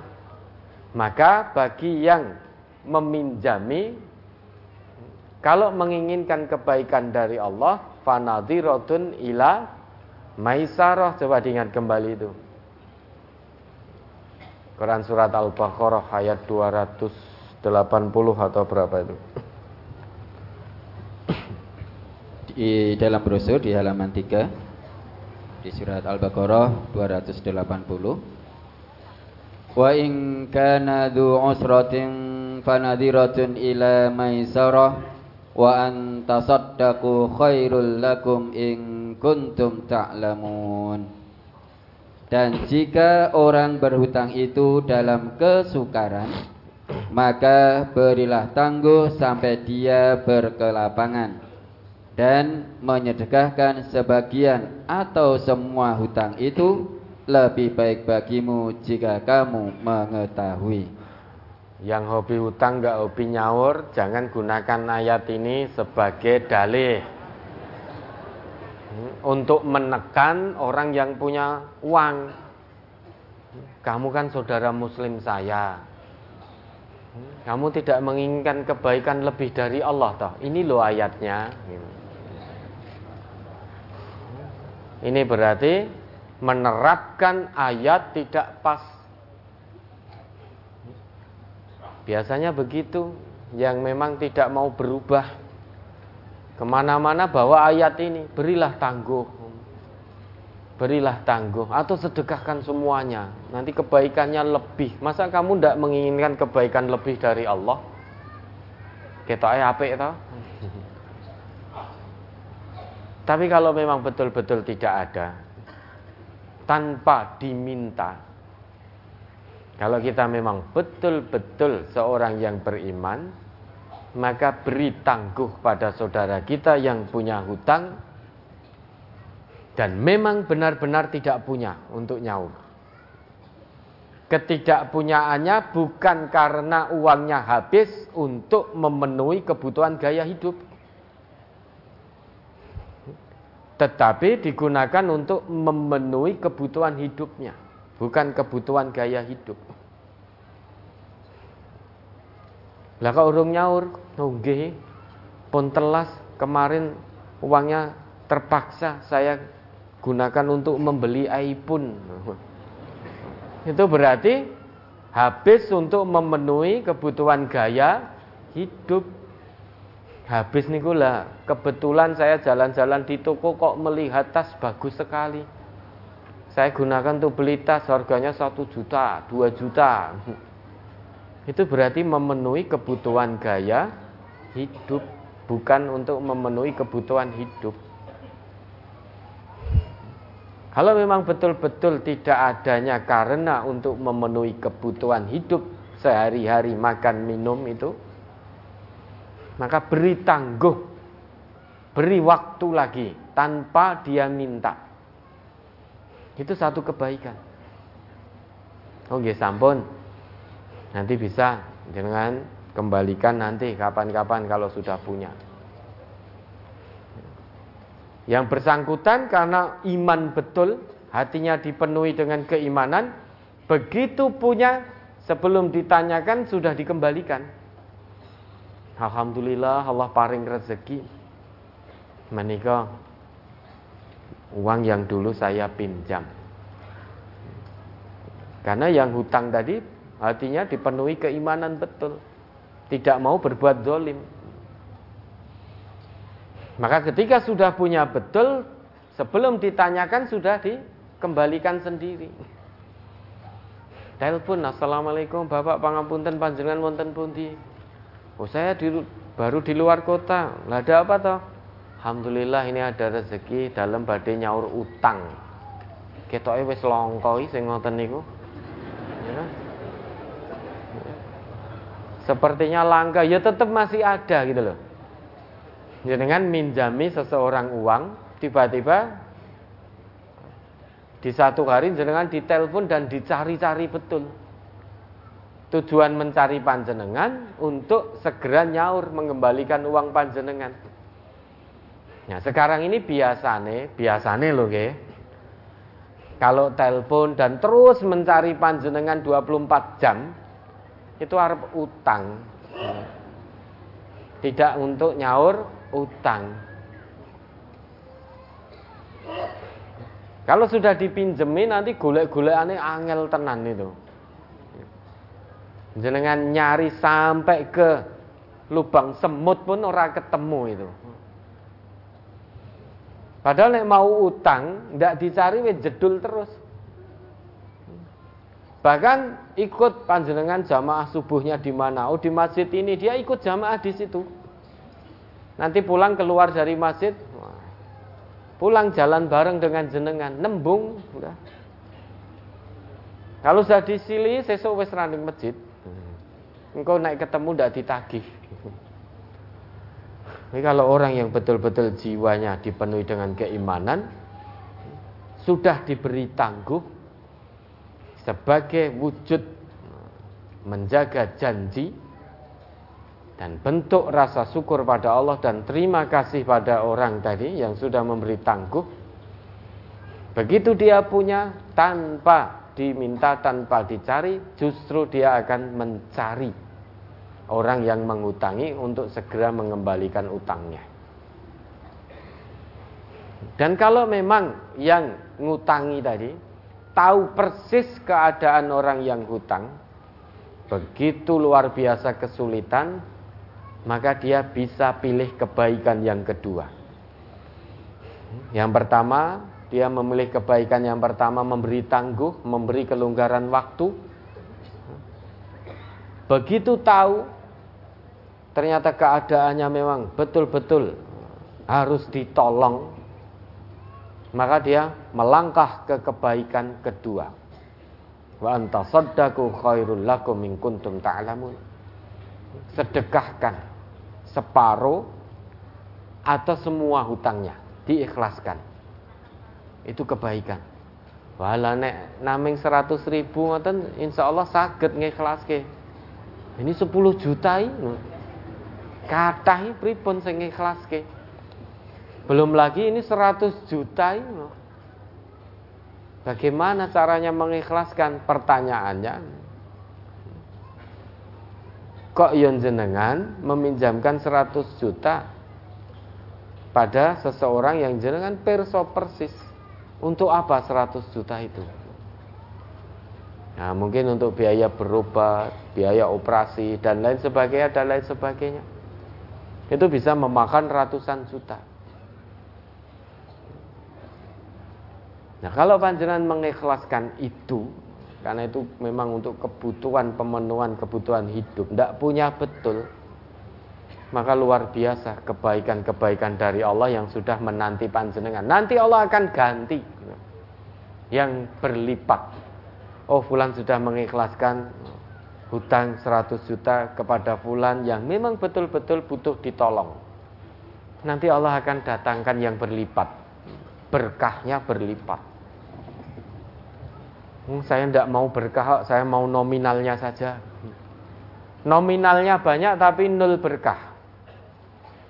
Nominalnya sedikit tapi full berkah. Pilih pundi. Pilih banyak dan berkah. Nggih pinter jenengan. Ya, ada lagi? Saya berinvest pada bisnis SPBM atau pom bensin. Invest tersebut tidak ada perjanjian yang tertulis. Jadi hanya ada tanda terima uang atau kwitansi. Pengusaha pom itu bilang kepada saya, "Pak, nanti kalau Bapak mau menarik kembali modalnya, memberitahukan kepada saya satu bulan sebelumnya ya. Dan Bapak nanti setiap bulannya saya beri fee 2,5% dari dana yang Bapak investkan. Pertanyaan, apakah ini termasuk riba Ustadz? Sudah.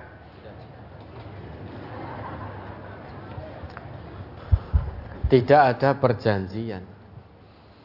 Jadi jangan menanam modal.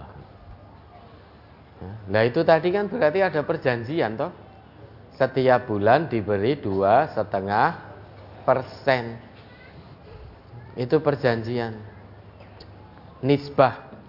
Lah, kejelasan yang lebih jelasnya bagaimana kita juga tidak tahu apa yang dilakukan oleh orang yang punya pom tadi.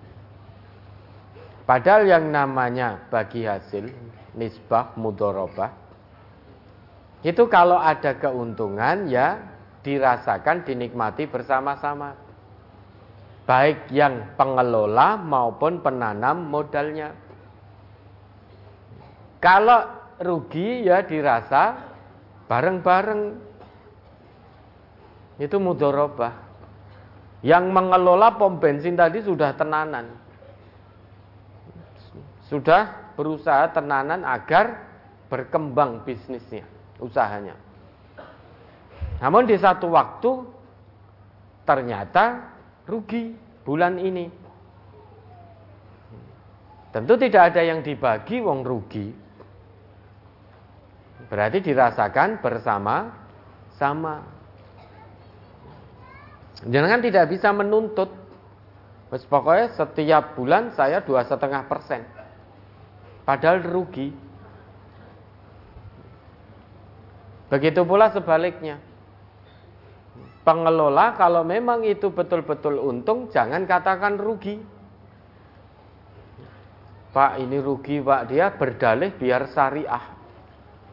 Rugi itu pak ini bagiannya sementen gih tidak sampai dua setengah persen. Pak ini betul-betul rugi bangkrut, nah, rugi, tidak ada bagian padahal untung. Makanya dalam muamalah syariah itu masing-masing harus bisa menjaga kepercayaan satu dengan yang lain. Semuanya harus jujur. Semuanya harus jujur. Nah kalau tadi pengelola pom bensin itu mengatakan dua setengah persen ini keuntungan yang bisa dibagi setiap bulan. Beliau yang menjalankan, menjelaskan seperti itu, setiap bulan jenengan diberi dua setengah persen dua setengah persen dari keuntungan ya diterima tidak apa-apa. Alhamdulillah berarti untung terus. Berarti untung terus. Nah setelah mendengar ini pengelola pom tadi jangan lantas mengatakan oh ternyata saya rugi besok nggak ada bagian padahal ada untungnya maka kejujuran penting. Lah riba dan tidaknya terkait pertanyaan ini tadi tentu yang lebih tahu yang mengelola tadi.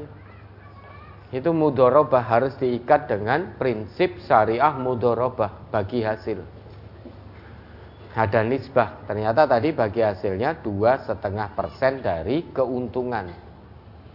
Kalau untung diberi bagian hasilnya, kalau rugi sama-sama ditanggung.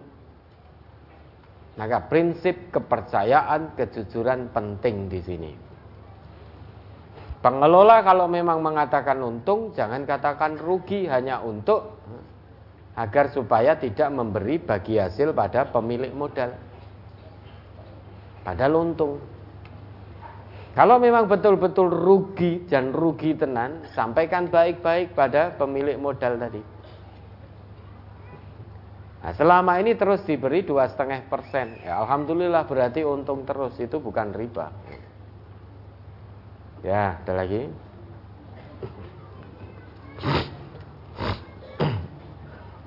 Di tempat saya diadakan rapat RT. Setiap kegiatan rapat, warga RT diberi kesempatan untuk pinjam uang. Bayarnya tiap bulan atau mencicil. Tapi setiap warga yang hutang dikenakan uang tambahan atau bunga setiap mencicil uang tersebut. Alhamdulillah, saya tidak ikut berhutang karena sudah tahu bahwa dengan membayar cicilan ada bunga dan itu haram.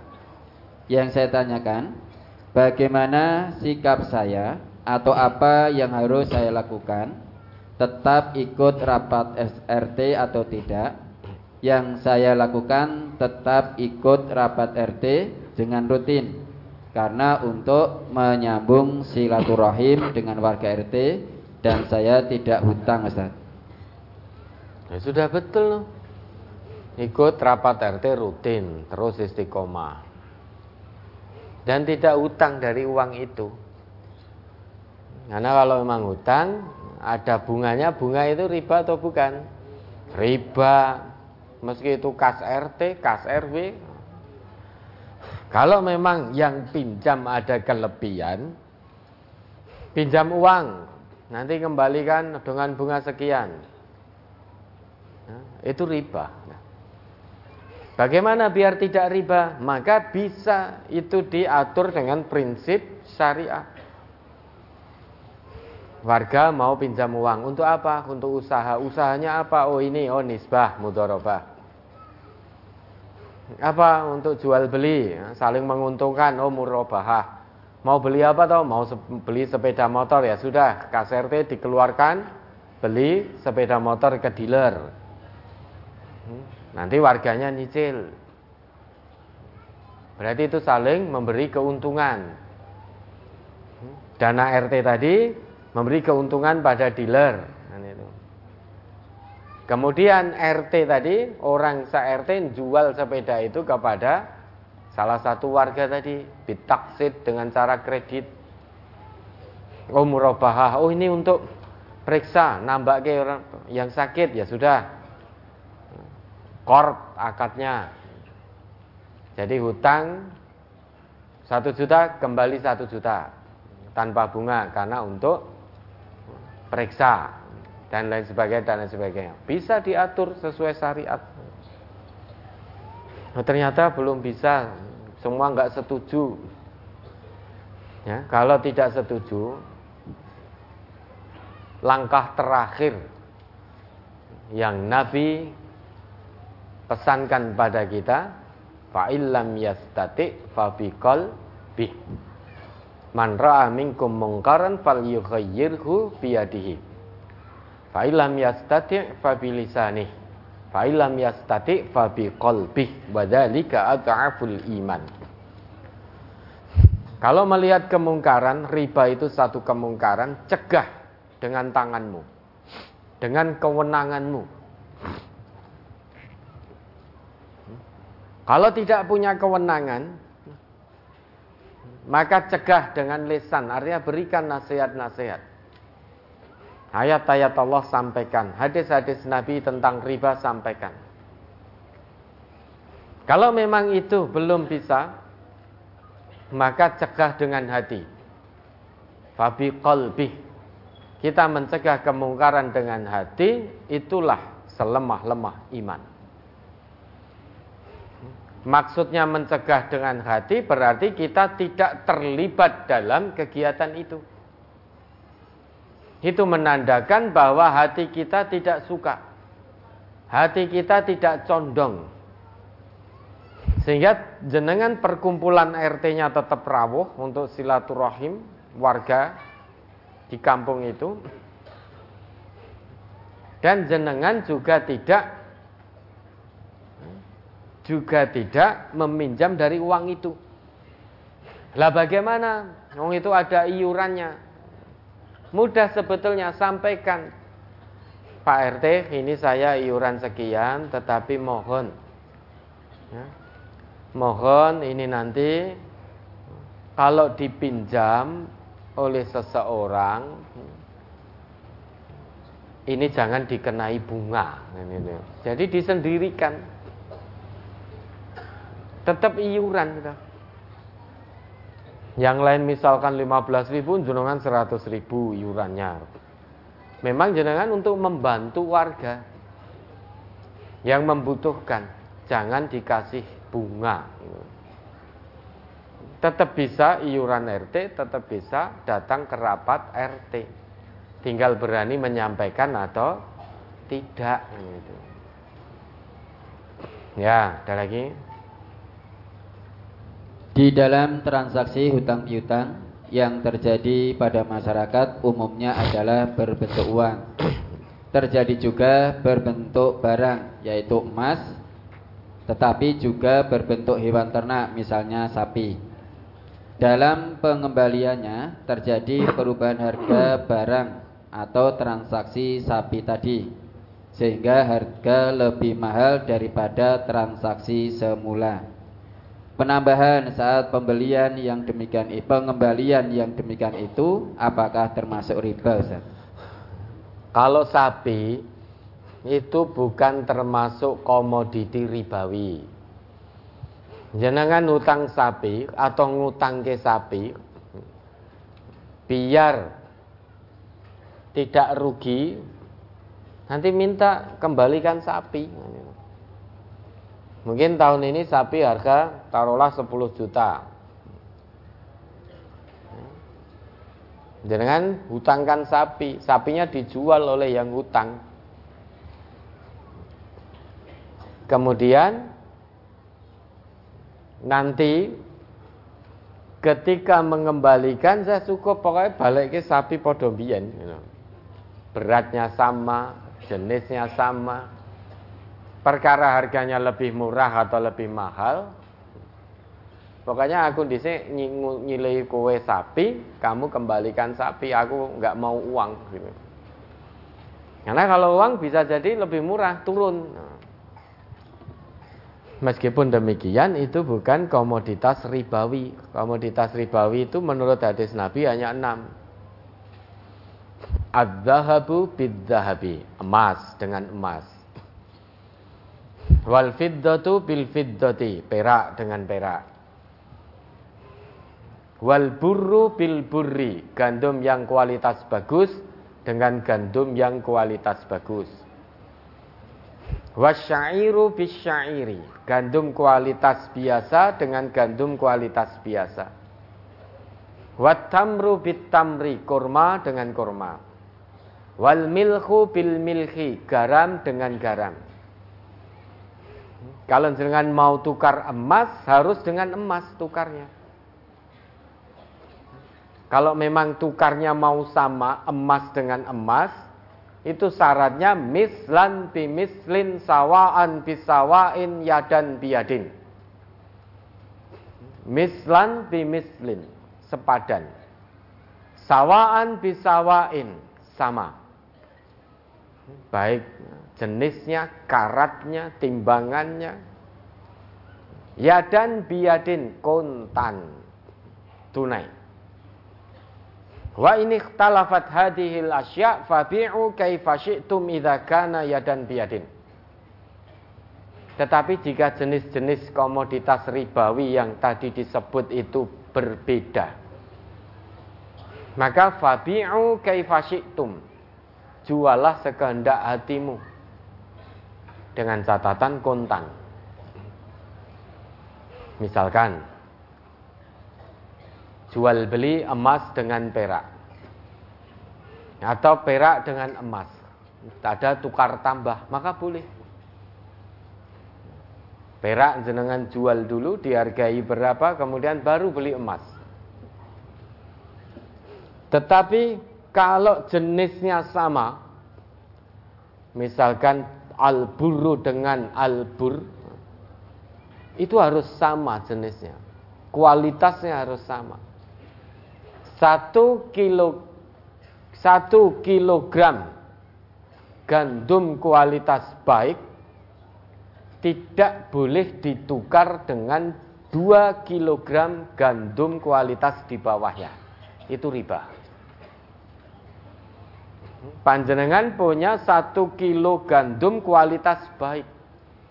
Ijol-ijolan dengan tetangga, tetangga punya 2 kg gandum kualitas di bawah yang jenengan miliki.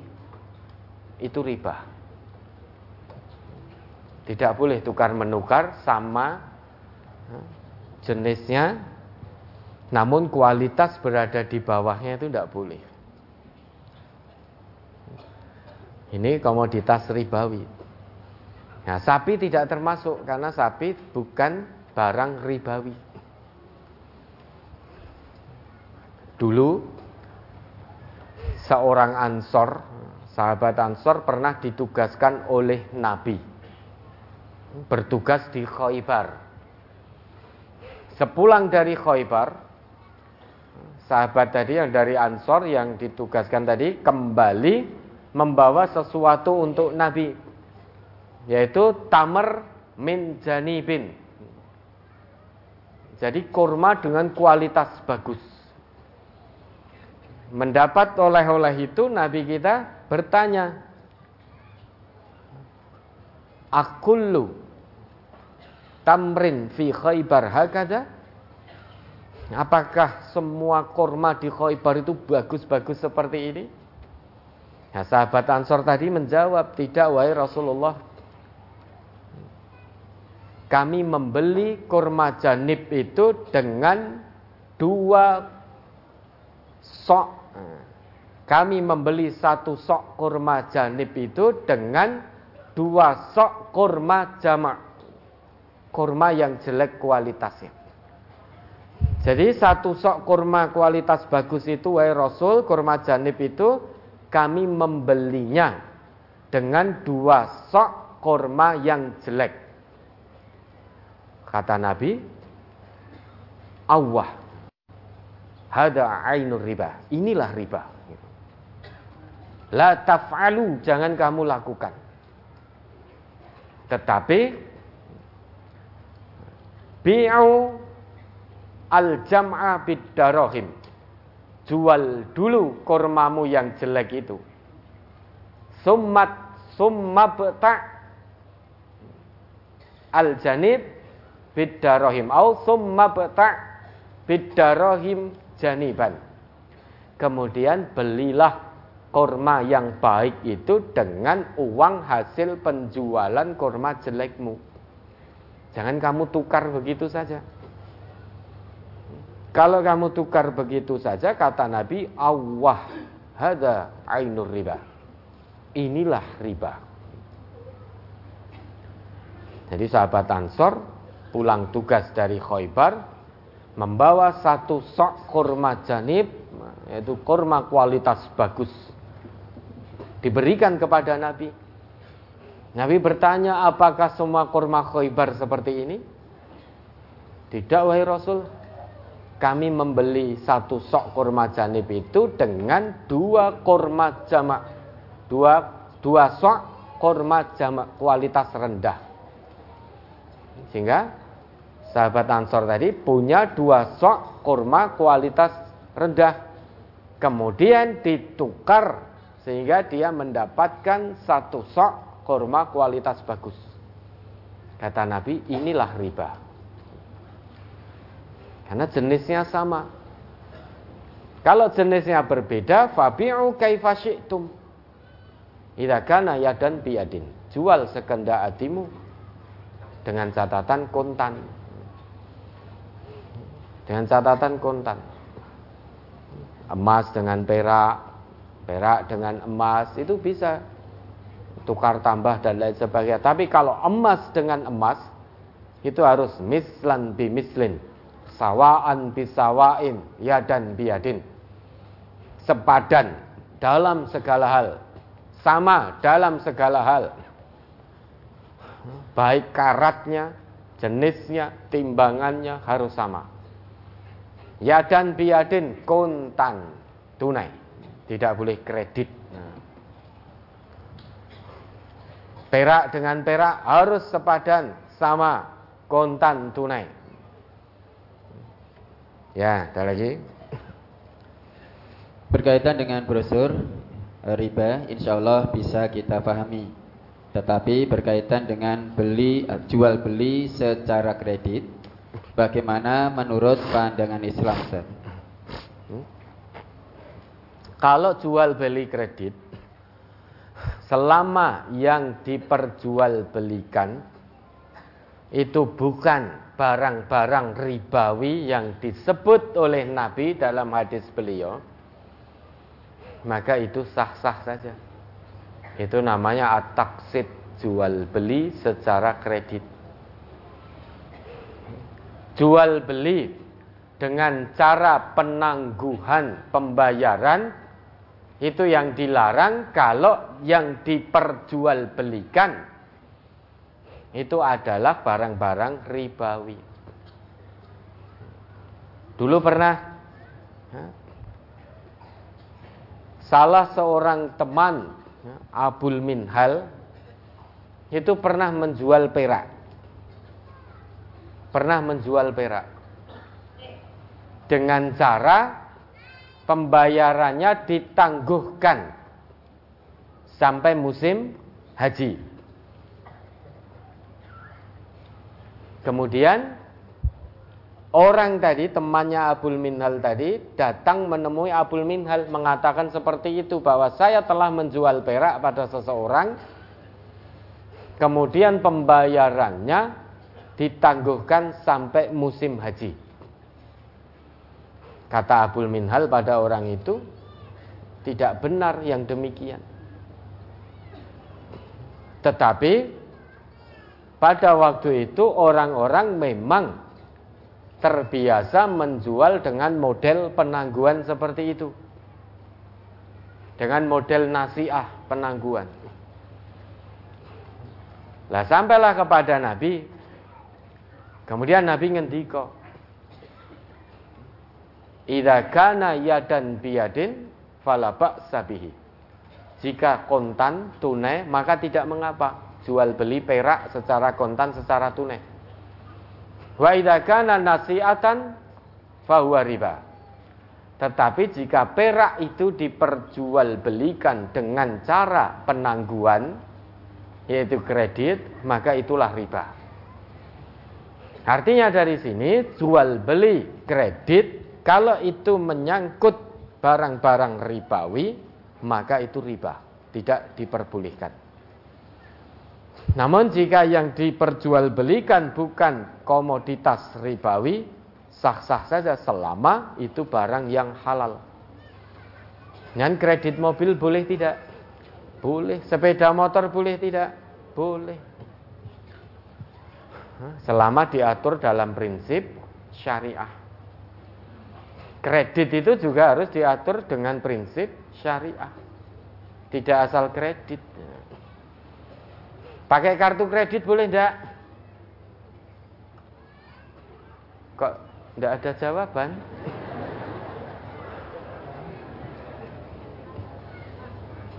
Kartu kredit yang biasa kita kenal dari bank-bank konvensional itu riba.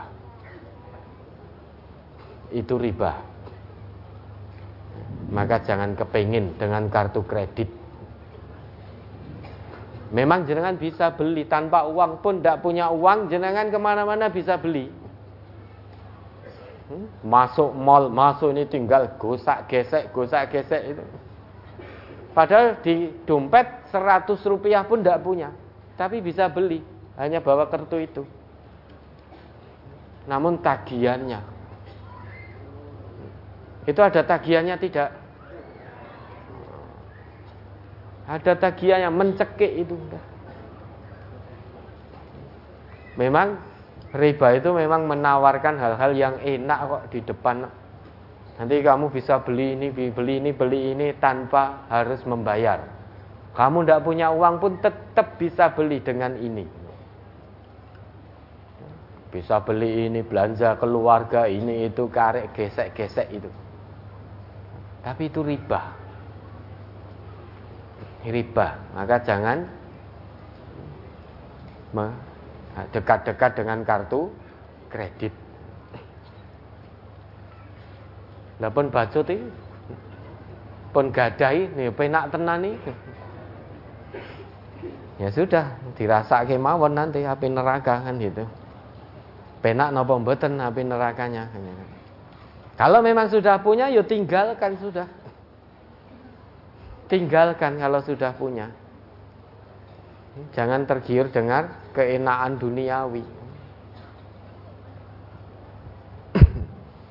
ya, yang namanya jual beli kredit selama yang dijual adalah barang yang halal dan bukan barang-barang yang termasuk komoditas ribawi, maka dengan kredit itu boleh.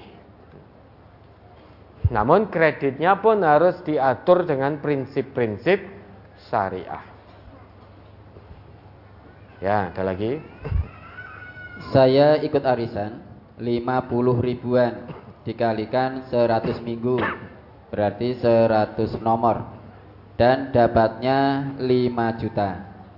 Tetapi yang pegang arisan itu meminta upah satu nomor jadi arisannya menjadi 101 kali atau 101 minggu. Apakah itu termasuk riba dan apakah saya merupakan orang yang mensukseskan riba Ustaz? Itu minta upah ya maksudnya. Arisan yang saya tahu ya kita ngumpulkan uang-uang kita sendiri. Ya, misal setiap bulan diundi Misalkan 50 ribu yang ikut 100 orang. Sekali keluar dapatnya 5 juta. Itu kita kumpulkan uang-uang kita sendiri. Maka itu sah. Boleh. Lah yang saya tidak tahu, ngurusi arisan minta upah satu satu nomor itu pribon maksudnya. Sehingga peserta lain tadi bayar gitu untuk yang ngurusi tadi.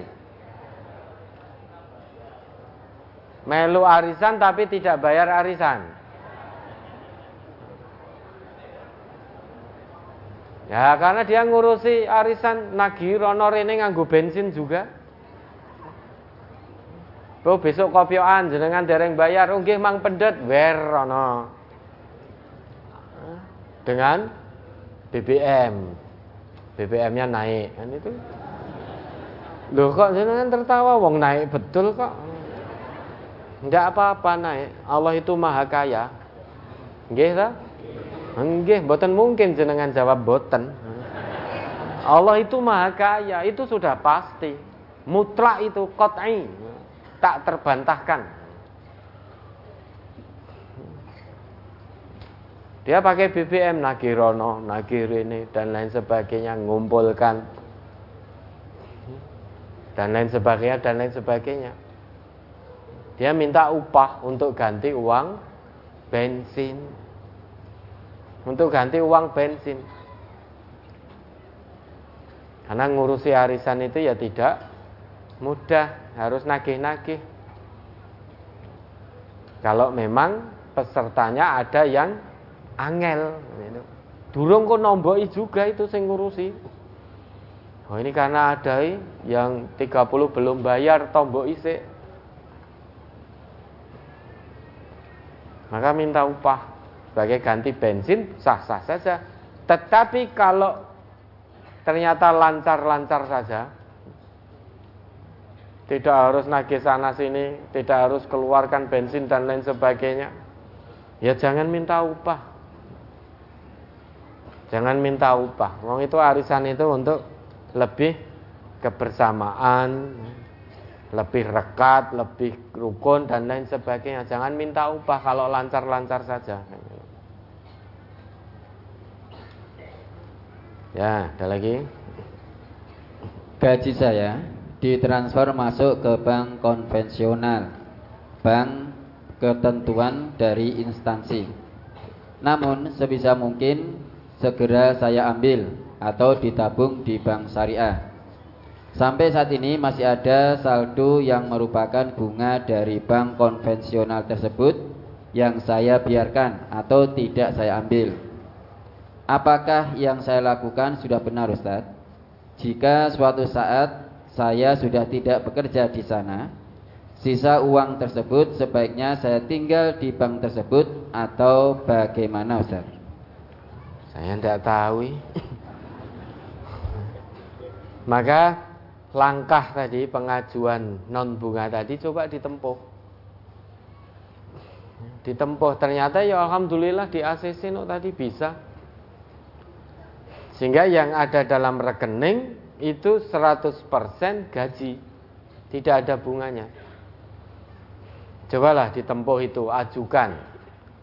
Ajukan bahwa nomor rekening ini tidak usah diberi bunga. Sehingga betul-betul 100% itu gaji. Lah bagaimana sekarang kalau memang saat ini sementara kemaksimalannya begitu gajian langsung diambil, pindahkan ke lembaga keuangan syariah. Kemudian bunga dalam rekening itu ada terus terus ada karena jenengan tidak mengajukan penyetopan. Lah nanti kalau meninggal bagaimana? Apakah tetap tinggalkan di bank itu atau bagaimana? Sudah biarkan di situ. Saya juga tidak tahu harus dibagaimanakan itu. Makanya diajukan. Diajukan tanpa bunga. Permohonan tanpa bunga dalam rekening itu. Ya, ada lagi. Apakah diperbolehkan mengambil kredit kendaraan? Eh, saya ulangi, apakah diperbolehkan mengambil kredit kendaraan baru tanpa tambahan bunga, yakni bunganya 0%? Ada tambahan berupa ansuransi dengan akad murabahah. Misalnya, kendaraan seharga 200 juta, asuransi 4 juta, total harga 204 juta. Maka jika diangsur 24 bulan dan pembayaran pertama 102 juta, maka totalnya tetap sama yaitu 204 juta. Apabila terlambat mengangsur dari tanggal angsuran maka dikenakan denda. Kalau panjenengan mau beli sepeda motor, mobil dengan cara seperti itu pembiayaan, pilih yang syariah. Pembiayaan syariah. Kalau ini sudah menamakan diri syariah, sudah menjelaskan bahwa ini betul-betul syariah, dengan praktek prinsip syariah murabahah tadi. Kalau ternyata di perjalanannya sedikit saja unsur riba dimasukkan ke dalam transaksi itu, mereka yang dosa. Karena sudah menjelaskan kita bahwa ini betul-betul syariah. Kita sudah bertanya ini, ini 100% syariah. Ya sudah. Akhirnya kita pilihlah itu. Ternyata kalau memang ada untuk mengelabui nasabah meski namanya syariah ada unsur ribanya di situ nahnu buro uminadimah kita terbebas dari tanggung jawab. Karena sudah dijelaskan dan kita sudah tanya kepada yang mengelola.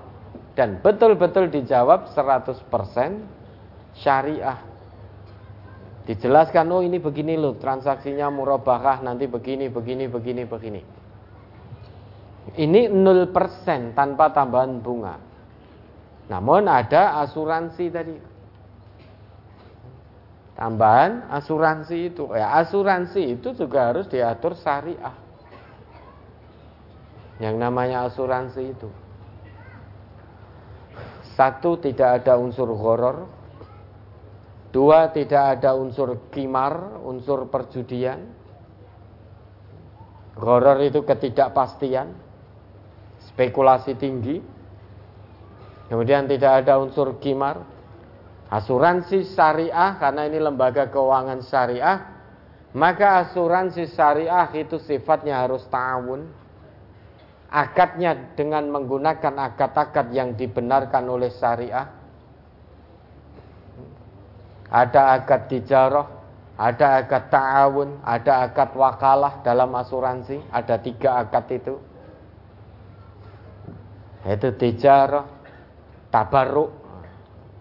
Jadi tabaruk tolong menolong, ada tiga akad dalam asuransi.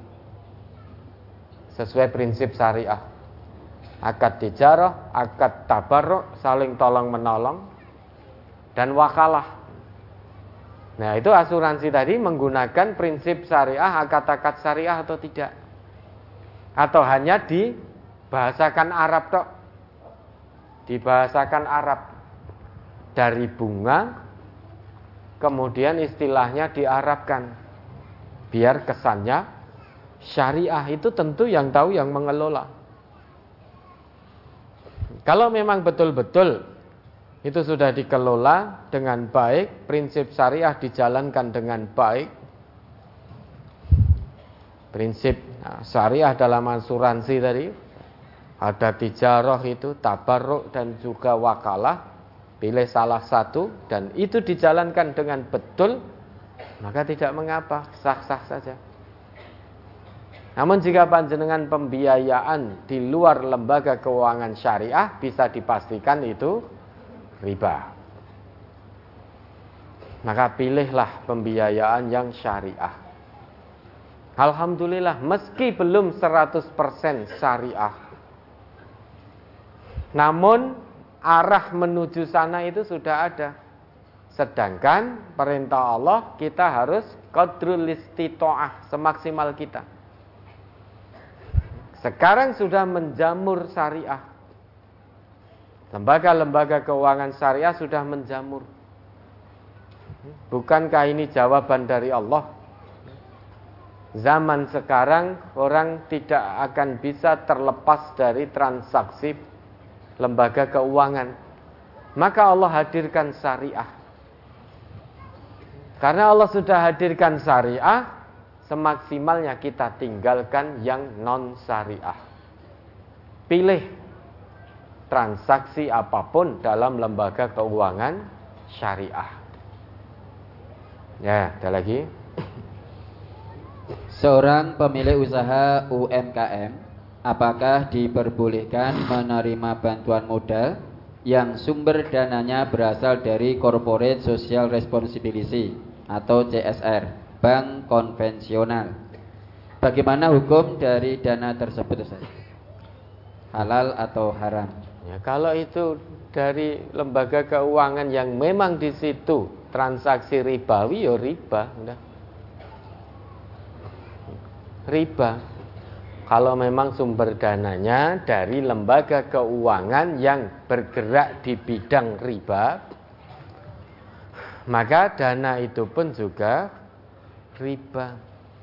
Mau berusaha itu modalnya juga yang halal Jangan berusaha dengan modal yang haram. Pasti tidak berkah sudah. Jenengan hendak berusaha, hendak menjemput rezeki dari Allah. Tetapi modalnya dari yang haram. Jenengan perso kalau itu haram. Maka usahanya juga jauh dari kata berkah. Begitu pula orang mau umroh, mau haji misalkan. Mau ibadah apa pun infak sedekah. Tetapi harta yang dia infakkan, dia sedekahkan itu dari hasil yang haram. Sedekah itu baik. Umroh, haji itu baik ibadah. Namun kalau berangkatnya dengan hasil korupsi, ibadahnya dia akan diterima oleh Allah. Mbok nganti apa? Kok saya umroh haji. Dosa korupsi saya kalau saya umroh diampuni. Maka saya korupsi sebagian untuk berangkat umroh. Tangeh lamun. Karena Nabi kita ngerti kok Innallah tayyibun la yakbalu illa tayyiban. Sesungguhnya Allah itu maha baik dan Allah tidak akan terima kecuali yang baik baik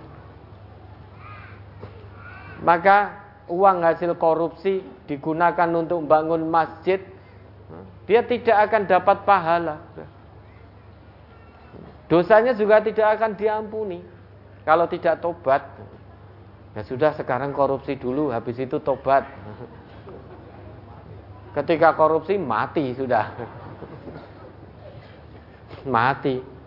Belum sempat tobat. Enggak sama. Segala sesuatu kebaikan menurut Allah dan Rasul maka jangan diawali dengan hal-hal yang haram. Jangan diawali misalkan mau berusaha. Cari usaha dengan cara yang halal sebagai modal. Modal usaha yang halal dan toyib. Karena itu nanti akan dipertanggungjawabkan di hadapan Allah.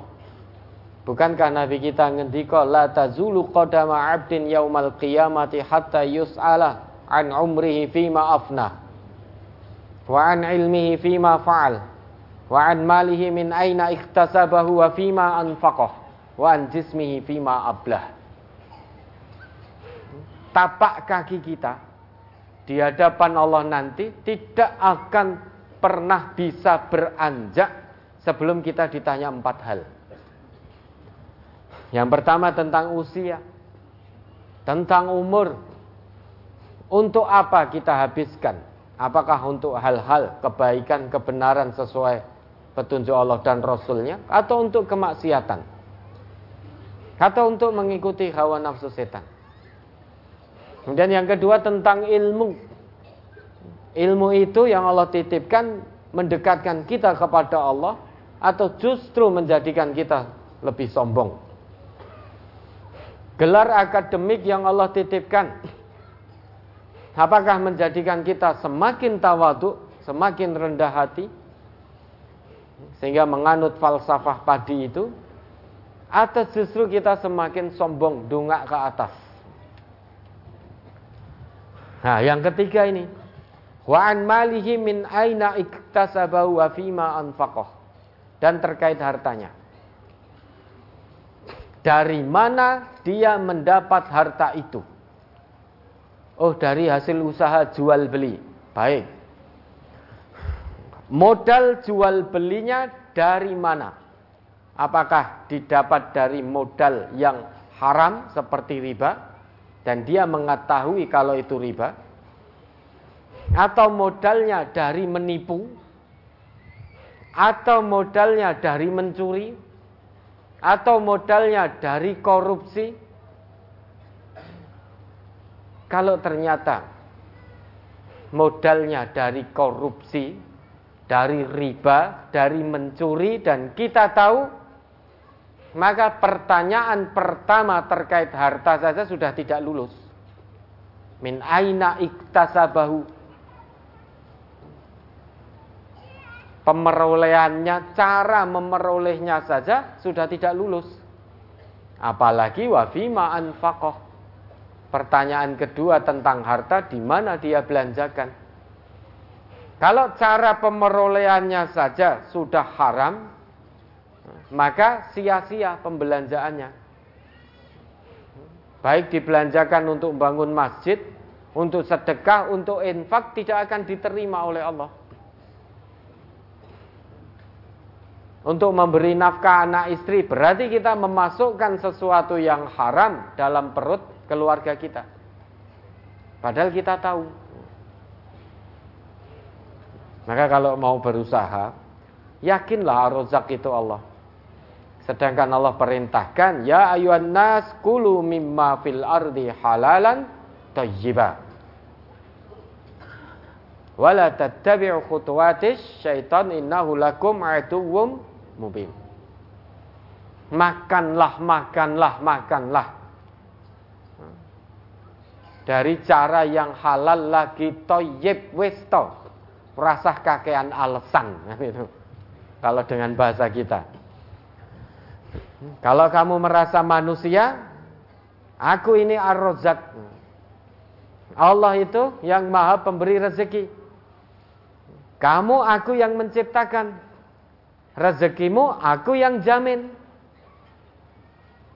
Maka makanlah makanlah yang halal lagi baik.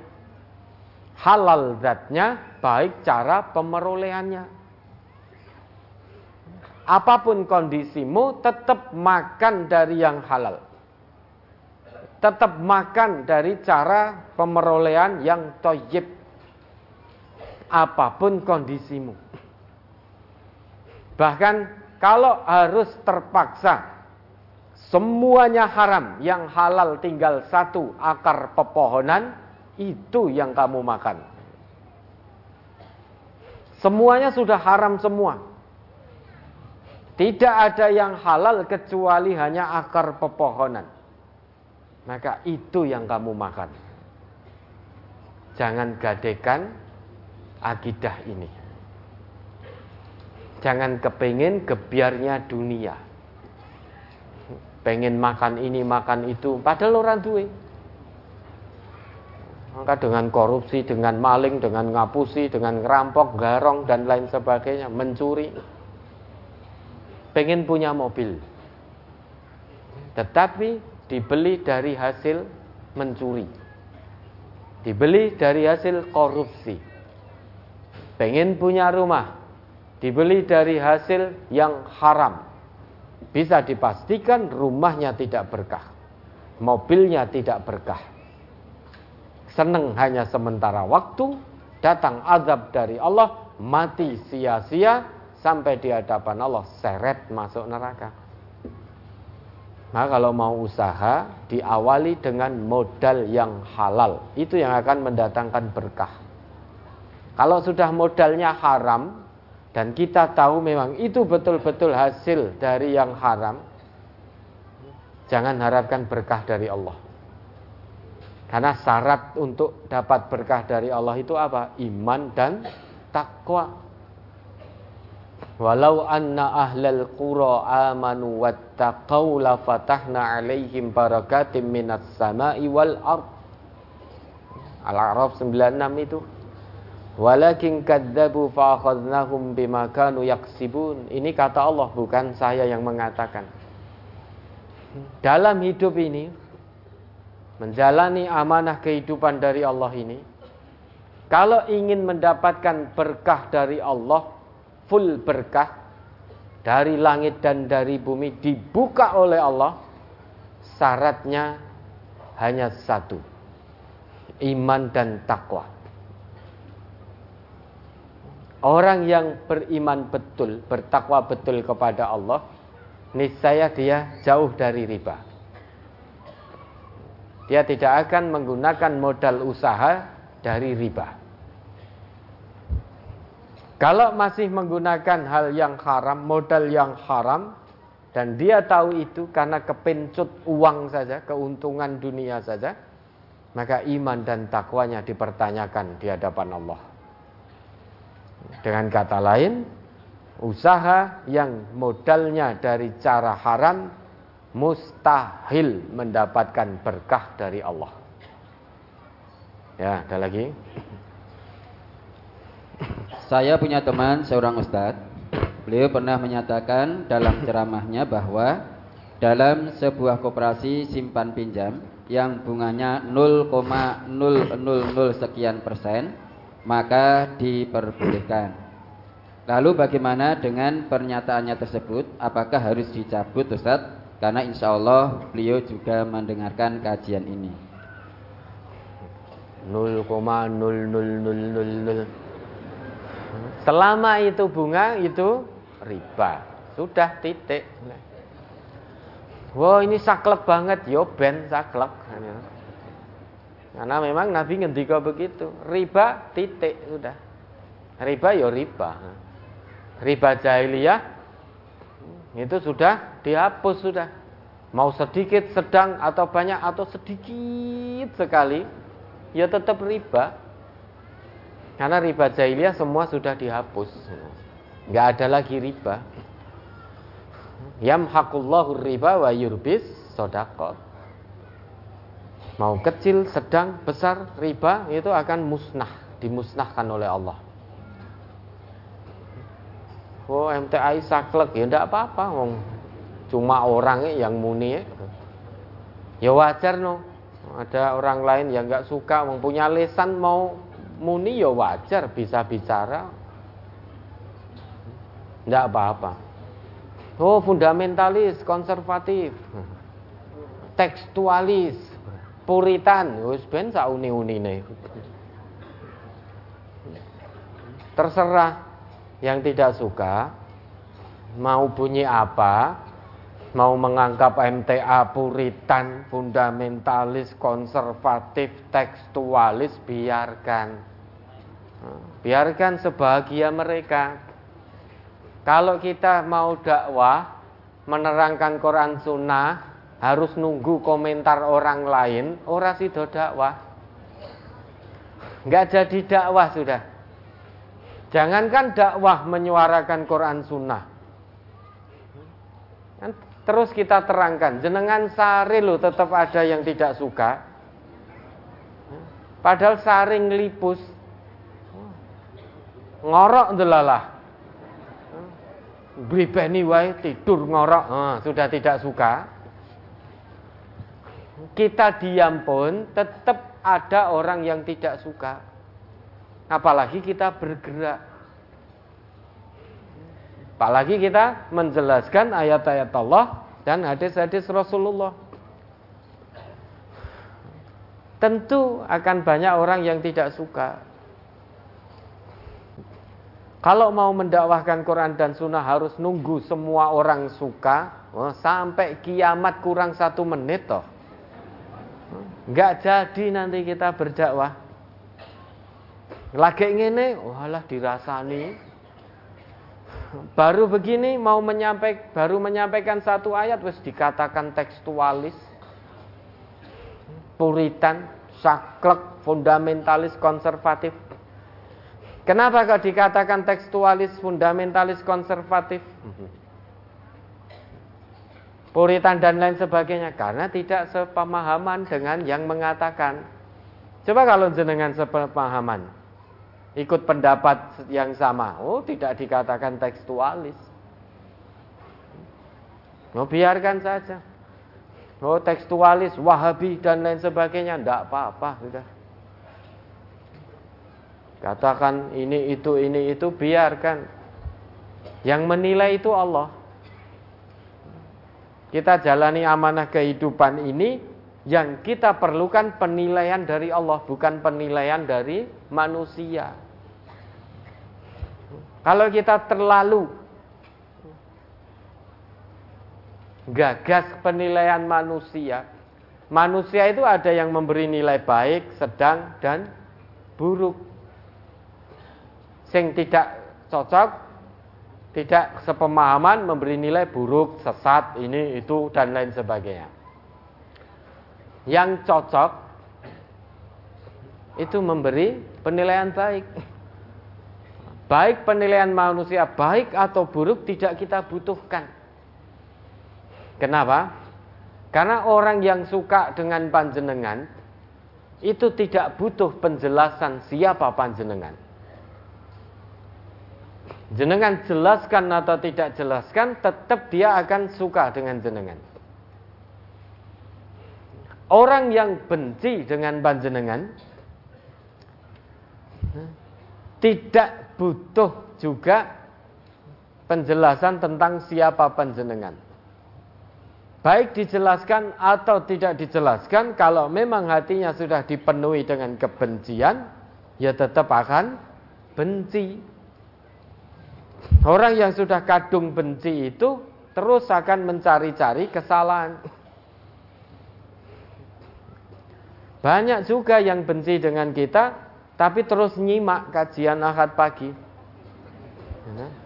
Nunggu apa? Nunggu keplesete. Manusia itu mahalul khotok wan nisyan. Nunggu keplesete. Lah keplesete itulah nanti akan diungkap, diposting ini itu dan lain sebagainya. Lah kita kepleset tidak apa-apa. Kalau memang ada yang posting, alhamdulillah berarti diingatkan. Besok diralat. Oh, kemarin begini salah itu kami menyampaikannya salah. Yang benar begini menurut Allah menurut Rasul. Ya mudah-mudahan Allah ampuni kesalahan kami. Nek wis diralat ngono terus piye? Tambah panas. Lah kok ora mundur isin to ki? Maka menyampaikan Quran Sunnah itu kalau memang salah jangan malu untuk meralat. Karena Quran Sunnah ini apa pun profesi panjenengan misalkan panjenengan seorang mubalik bertahun-tahun puluhan tahun jadi mubalik kondang kok ternyata satu hari menyampaikan ayat dan sunnah salah kemudian ada yang meluruskan, maka segera diralat. Segera dilarat, jangan mundur izin. Wah yo izin no aku mau balik telung puluh tahun no. Mosok salah nyampaikan seperti ini. Sesuatu yang tersampaikan dengan keliru, kalau ada yang membetulkan, alhamdulillah. Maka segera diralat kalau kita menyampaikan. Jangan mundur izin. Nah, makanya di MTA ini diajarkan sedikit atau sedikit atau sangat sedikit atau sedang atau besar. Kalau itu memang bunga itu namanya riba. Mau berapapun 0,00000 itu riba. Lah Ya, ada lagi?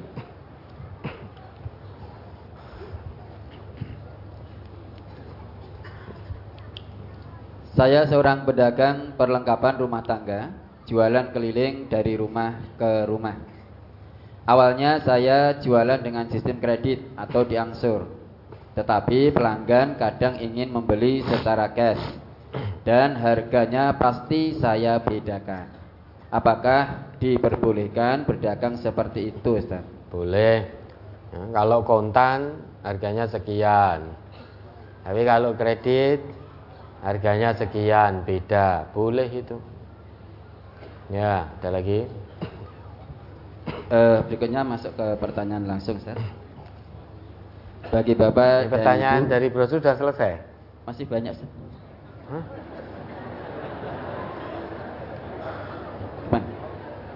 disambung minggu depan Ustaz.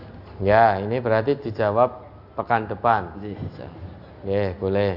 Nggih. Bapak dan Ibu sekalian yang mengendaki pertanyaan langsung silahkan menyebutkan nomor mic terlebih dahulu. Lima. Nomor 38. 38. 10. 10. Nomor 38. 29 lanjut. 38. 5 10 29. Nomor 6. 38, Pak. 38. Eh, yes, cukup sementara. 5, 10, 29 dan 6 mudah-mudahan nanti waktunya cukup maka kami harapkan yang bertanya eh, singkat dan tepat ya. Baik silakan nomor mic 5 dipersilahkan Assalamualaikum warahmatullahi wabarakatuh Waalaikumsalam warahmatullahi wabarakatuh Perkenalkan nama saya Sururi dari sumber Simo Boyolali dan dari Simo 2 di sini mau tanya Pak Ustad. J. Bagaimana hukumnya menelan telur mentah? Hah? Apa? Hukumnya Oh, menelan, telur, telur mentah.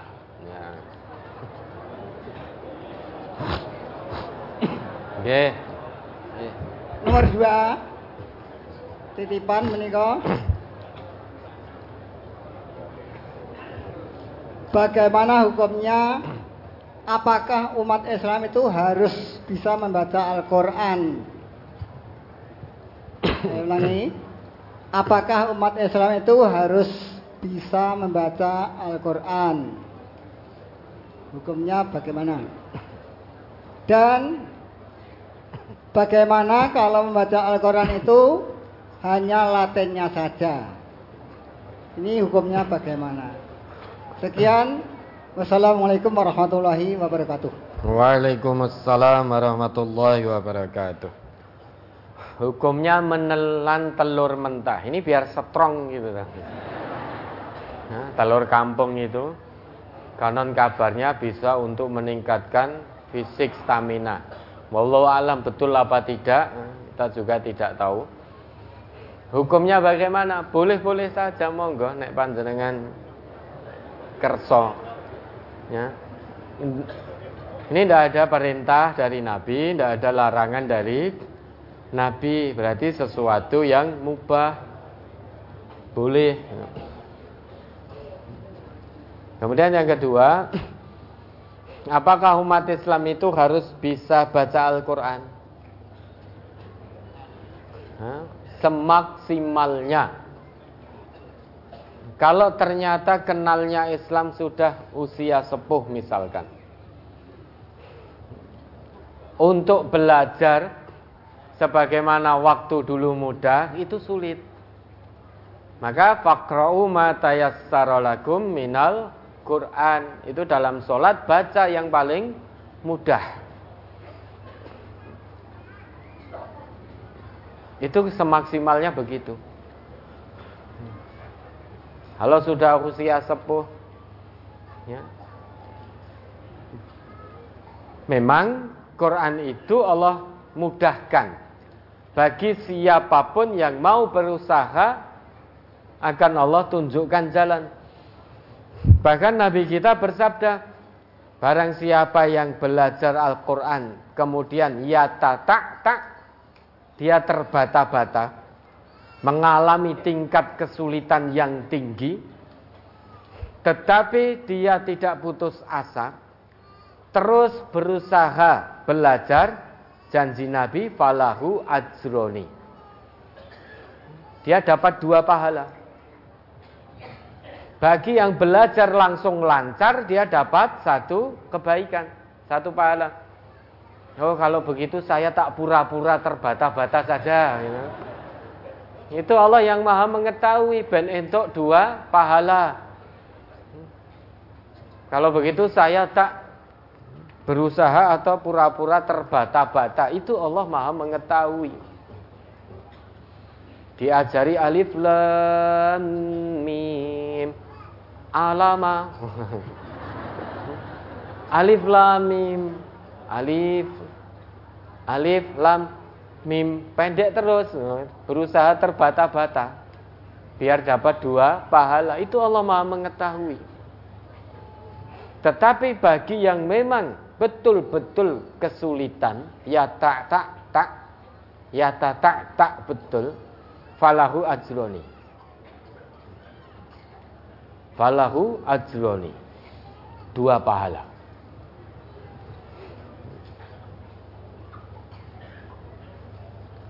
Maka ini kitab suci kita. Sesulit apa pun kita berusaha untuk belajar, terus Jangan pernah bosan untuk belajar bisa membaca Al-Quran. Semaksimalnya Allah tidak akan beri beban di luar kemampuan kita. Semaksimal kita. Semaksimal kita. Jangan pernah bosan berhenti untuk belajar Al-Quran. Setidaknya belajar cara baca panjang pendeknya makrotnya oh kalau bagi yang sudah sepuh-sepuh makrot itu sulit sekali sangat sulit sekali. Apalagi yang sudah giginya ompong semua. Sudah kami sol-solen. Hampir so kami sol-solen. Beliau ngendiko bahasa ibunya saja eh, bahasa Indonesia atau bahasa Jawa. Itu sudah tidak bisa cetok Apalagi suruh makhrot. Ini hamas, ini sidah, ini rohwah. Sulit sekali sudah mengingat hamas, rohwah, sidah itu rakelingan-kelingan. Gitu. Apalagi diajari sudah sepuh, diajari ai ubak. Pakai kertas, kertasnya kabur bak itu. Pakai tisu gini biasanya. Ai uba. Belum lulus. Randang iso, randang sido-sido maca Quran nanti.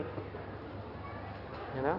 Maka pengajar-pengajar tahsin di MTA ya, bijaksanalah panjenengan dalam ngajar tahsin. Jangan semua anak didik disamakan dengan kemampuan panjenengan. Likul kalimin nas ala qadri uqulihim. Bicara dengan lawan bicara sesuai kadar kemampuan. Kalau memang itu dalam usia-usia pendidikan, masih kecil, remaja, muda begitu, silahkan jenengan ai ubae tenanan Sampai kabur ai ubah, urung lulus tidak apa-apa. Belum lulus tidak apa-apa. Karena itu masa usia belajar. Masih bisa untuk berubah. Tapi kalau jenengan ngajari bapak-bapak atau ibu-ibu seusia sepuh 50 ke atas 60 70 lah kok kon ai ubah nganti pener piye terusan Berarti jenengan tidak menguasai kemampuan lawan bicara yang sedang jenengan ajari. Egois kalau begitu. Maka ini tahsin di kita ya, pengampu-pengampu tahsin ini yang ngampu sepuh-sepuh makrote jangan angel-angel. Makhrajnya jangan angel-angel, jangan seperti ketika panjenengan mendidik siswa-siswi LPPT. Kalau AI ubah rodok kabur sidik tidak apa-apa. Bapa wali babna minal mubni. Itu orang tidak terlalu kol-kolah juga tidak apa-apa. Yang penting panjang pendeknya betul, tajwidnya, gunahnya, idharnya itu betul. Jangan suruh ngapalkan ini syiddah, ini rohwah, ini imalah. Nah sekarang sudah sepuh, mau mengingat bacaan itu, istilah-istilah itu sulit sudah. Sulit. Iki tadi bacaan apa ketemu iki bacaan apa sidah apa rohwah. Untuk nyebut rohwah saja sulit. Rauhah itu kan. Rohwah, rauhah. Rohwah, rohwah, rauhah, rauhah gitu. Sulit sudah. Maka pengajar-pengajar tahsin ini ya di MTA kebetulan panjenengan masih usia-usia muda bersyukurlah kepada Allah. Saat jenengan dalam usia prima, usia muda, Allah jadikan tahsin menjamur. Dulu waktu bapak-bapak kita, generasi awal dakwah di MTA, tidak ada namanya tahsin-tahsin itu. Pondok tahfidz itu hampir-hampir tidak ada. Dulu itu kita diajari untuk membedakan kof dengan kaf ben nek kof nyekluk kalau sot itu sampai sing sot dulu begitu bentuk kemaksimalan kita karena belum ada. Tahsin tahfid itu belum ada. Maka jangan jangan nyalah nyalah ke Wah itu masa guru daerah? Ih. Ih dinas siratal mustaqim.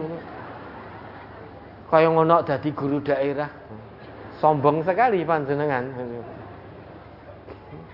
Bersyukurlah kepada Allah saat jenengan di usia muda, usia prima, Allah hadirkan tahsin, menjamur di mana-mana ada.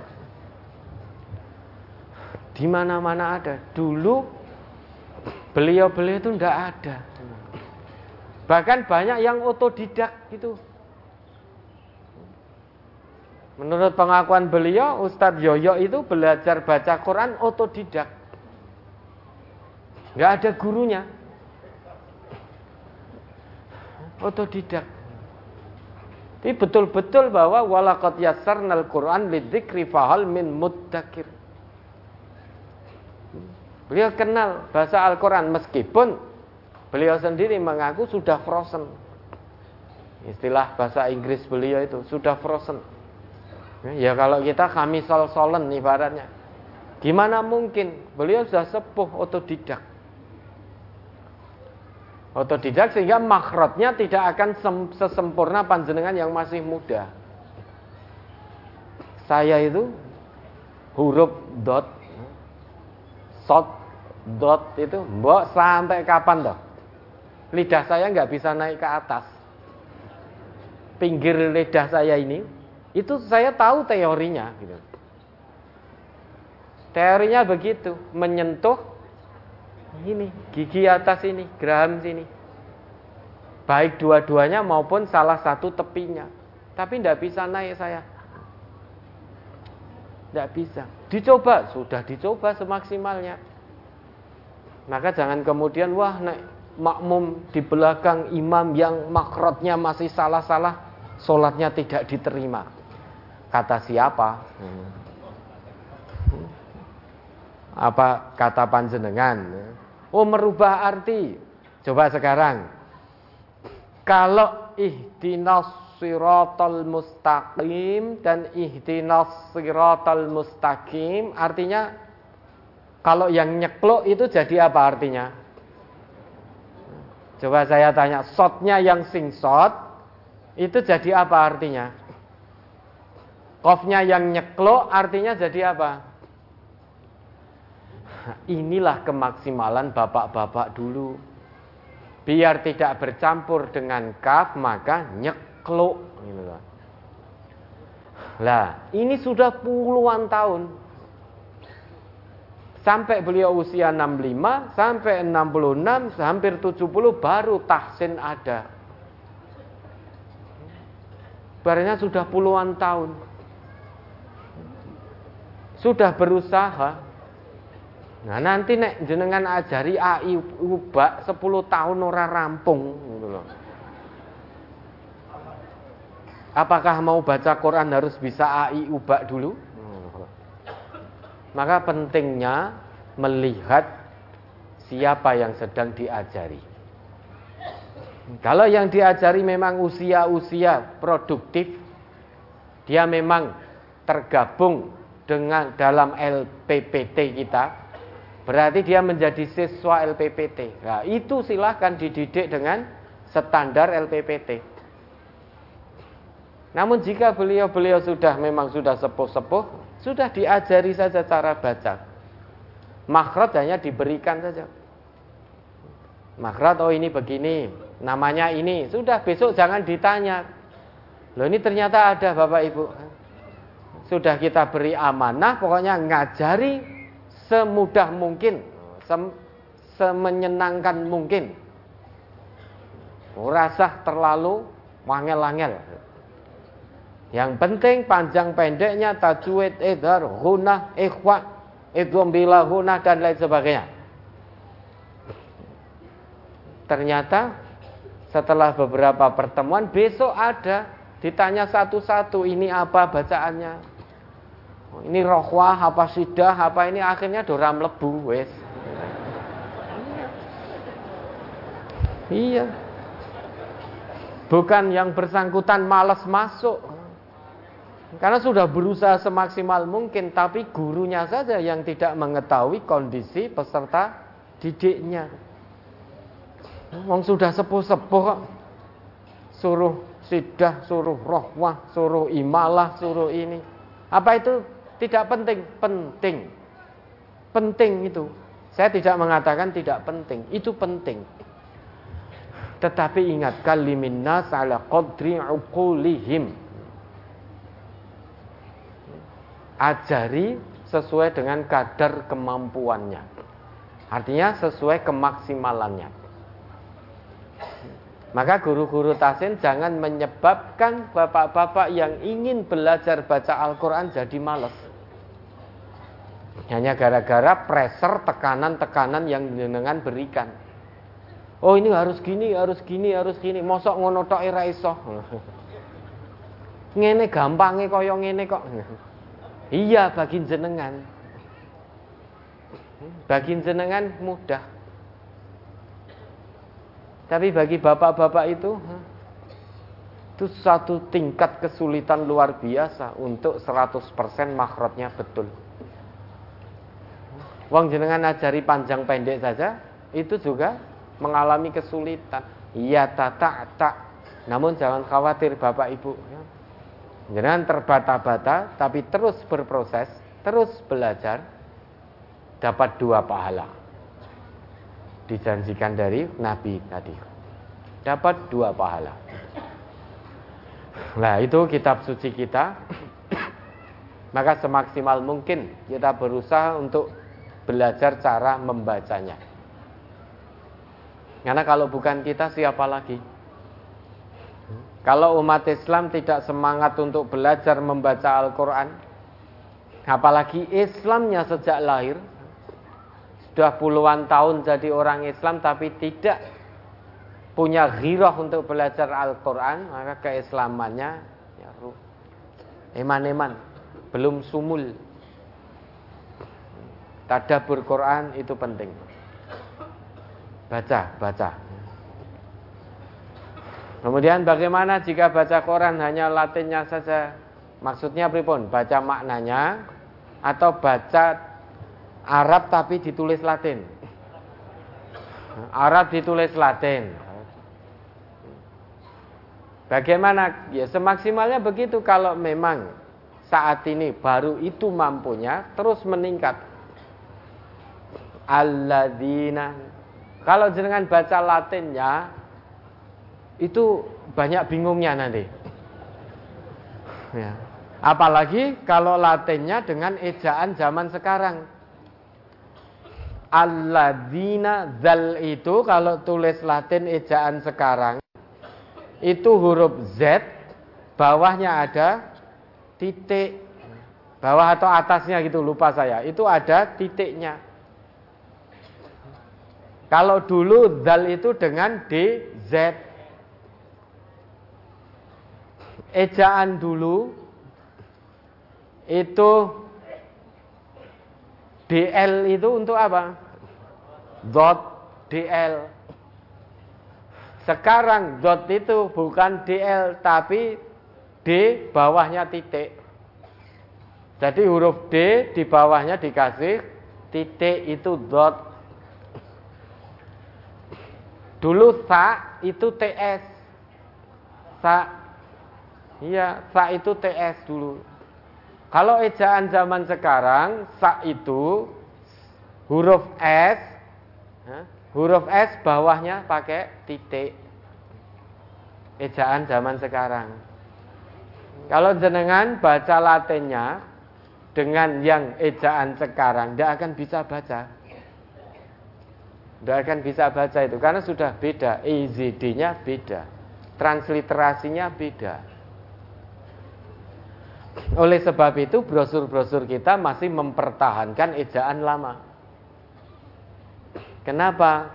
Biar tidak hanya bisa dibaca oleh generasi saat ini saja. Sehingga generasi yang sudah di awal-awal tetap bisa membaca. Dengan perhatikan brosur kita itu ya, DL itu masih dipakai, DH masih dipakai. Sa itu ya TS. Zal itu ya DZ. Ejaan kita masih pakai itu. Nah, kalau memang saat ini baru seperti itu, sah-sah saja, boleh-boleh saja, tapi tingkatkan untuk bisa belajar membaca Arabnya. Mudah kok, mudah. Mudah pelan-pelan, tidak apa-apa. Nanti terbata-bata, dapat dua pahala. Dapat dua pahala. Kebaikan Al-Quran. Semua yang diikat, ditautkan dengan Al-Quran, itu pasti baik. Bahkan sampai kita belajar membacanya terbata-bata pun, penuh dengan kebaikan. Ada dua pahala. apa pun itu yang ditautkan ada sangkut pautnya dengan Al-Quran pasti baik. Oke, ditingkatkan. Sudah sepuh, tidak apa-apa. tetap proses belajar, semangat. Dicatat kebaikan di sisi Allah. Ya, ada lagi? Baik, berikutnya penanya dengan nomor 10 dipersilahkan. Assalamualaikum warahmatullahi wabarakatuh. Waalaikumsalam warahmatullahi wabarakatuh. Saya nama Bu Samiati dari Binaan Gombong Kebumen. Oh, nggih, alhamdulillah Gombong ya. Minta, mau minta diterangkan Ustaz surat Al-Baqarah ayat 125 sama 100 eh ya 26 pertama. Terus yang Ya. kedua minta doanya Ustadz untuk panjenenganipun Bapak Widodo ingkang sa- sakit terus ping kalih nyuwun doanipun kangge cucu kula Aisyah sing pun bolong tahun dereng saged pelampah Ustadz Nggih, nyuwun doane semoga bisa jalan dan bisa mandiri sudah diobatkan? sudah Ustadz ke rumah itu dokter Jafar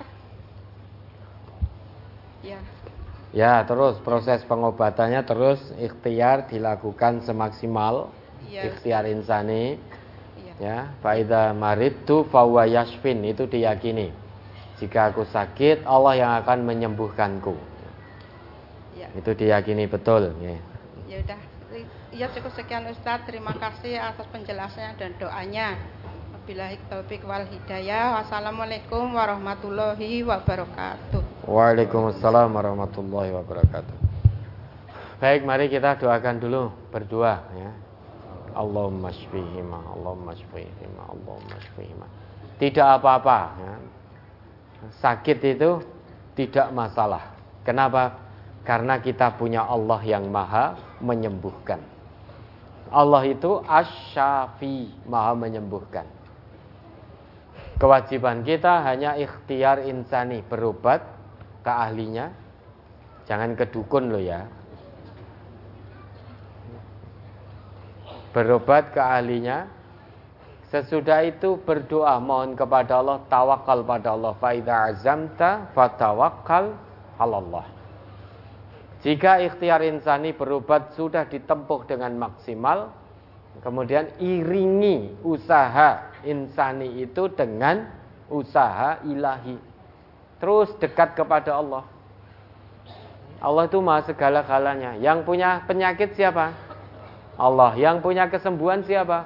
Allah. Maka jadi aneh. Orang sakit, dia tidak mendekat ke Allah, tidak mencari Allah, malah mencari dukun. Wong yang punya kesembuhan itu Allah. Ini ibaratnya begini. Panjenengan mau pinjam sepeda motor. Kira-kira jenengan mencari orang yang punya sepeda motor atau yang punya gerobak? Tentu punya sepeda motor. Wong yang mau jenengan pinjam sepeda motor. Sudah tahu dia tidak punya sepeda motor, punyanya andong. Jenengan datang ke situ, Pak, pinjam sepeda motor. Ora nek duweku andong, wah cetil. Tidak bisa. Allah yang punya penyakit. Kalau kita ingin sembuh, tentu yang utama dan yang pertama yang kita cari adalah Allah. Mendekat dulu pada Allah, terus mendekat pada Allah. Kemudian setelah itu, petunjuk-petunjuk agama, tuntunan dalam agama, laksanakan termasuk berobat pada yang ahli. Ya, tidak apa-apa. Mudah-mudahan Allah beri kesembuhan. Dan beliau berdua diberi keikhlasan, kesabaran. Terus tawakal pada Allah dalam menjalani ujian iman dan takwa ini dan dalam menjalani proses kesembuhan dan kepulihan dari Allah. La takhafu wa la tahzanu, jangan takut, jangan khawatir, jangan pula bersedih hati. Fa insyaallah innallah ma'akum. Insyaallah Allah terus berserta hambanya yang bersabar. Kalau panjenengan bisa bersabar tadi yang sakit tadi itu akan dibersamai oleh Allah. Tetap semangat nah, menjemput kesembuhan dari Allah. Jangan putus asa. Ya baik terus kemudian ya coba dibaca itu Al-Baqarah 125 126. Surat Al-Baqarah surat kedua ayat 125 dan 126. Wa id ja'alnal baita masabatan lin-nasi wa amna wattakhidhu min maqami Ibrahim musalla.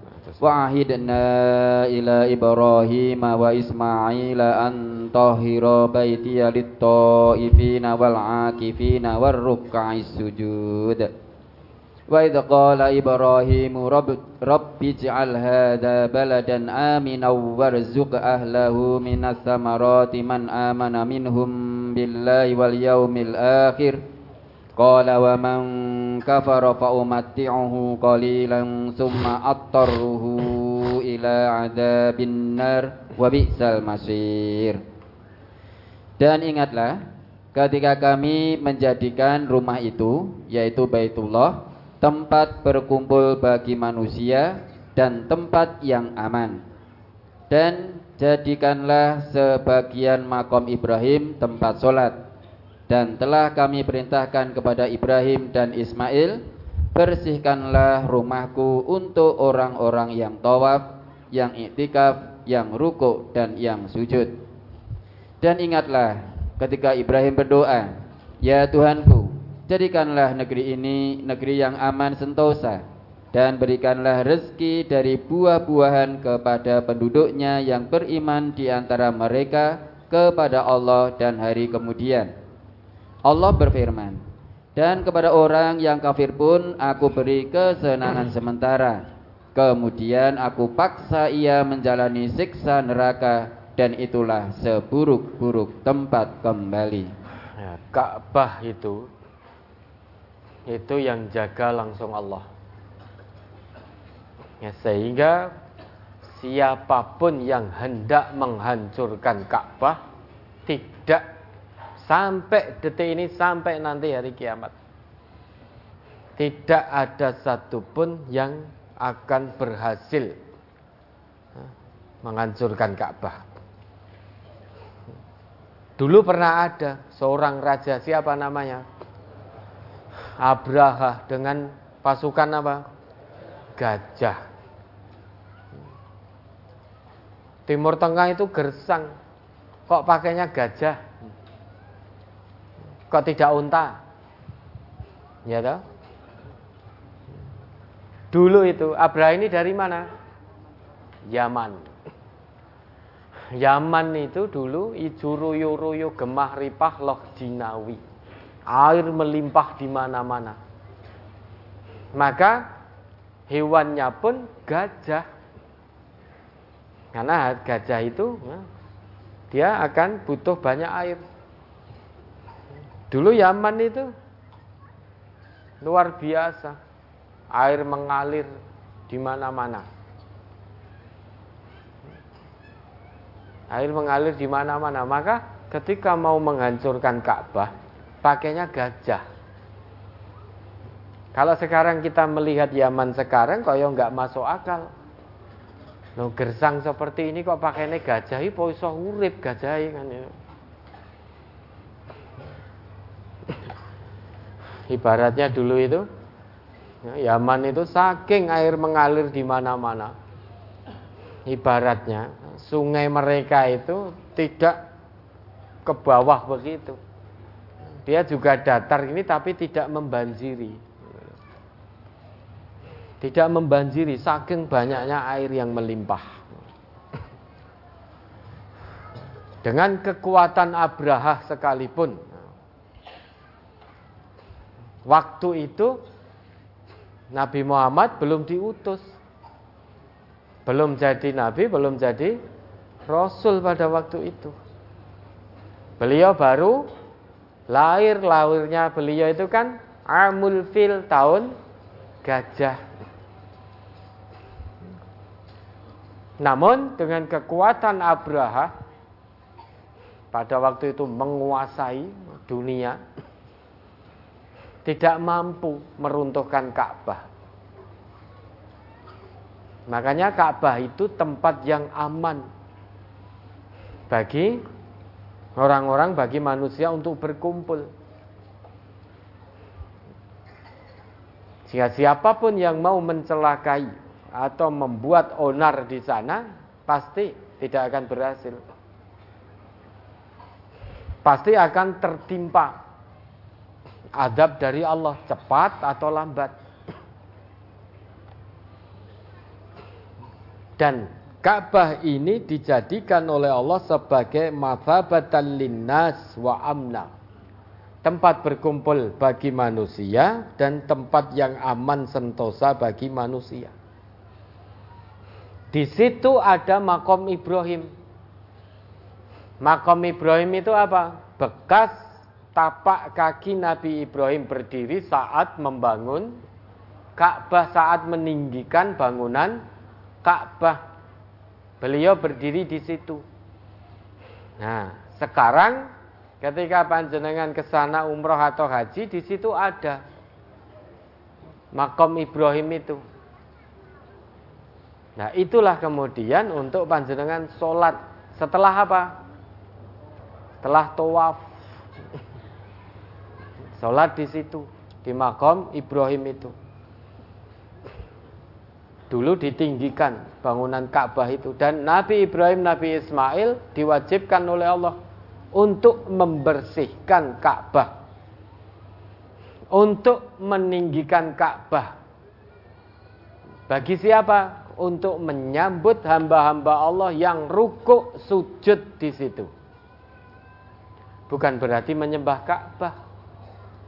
Tapi itu kiblat bagi umat Islam itu kiblat. Nah kemudian sesudah itu Nabi Ibrahim berdoa mohon pada Allah.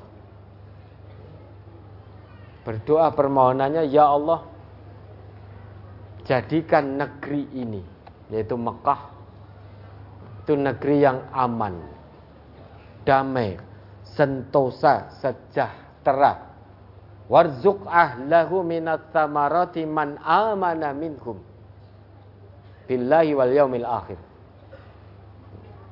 Dan karuniakanlah rezeki kepada penduduk negeri ini wahai Allah dengan berbagai macam buah-buahan dari segenap penjuru khusus bagi penduduk negeri yang beriman kepada Allah dan hari akhir.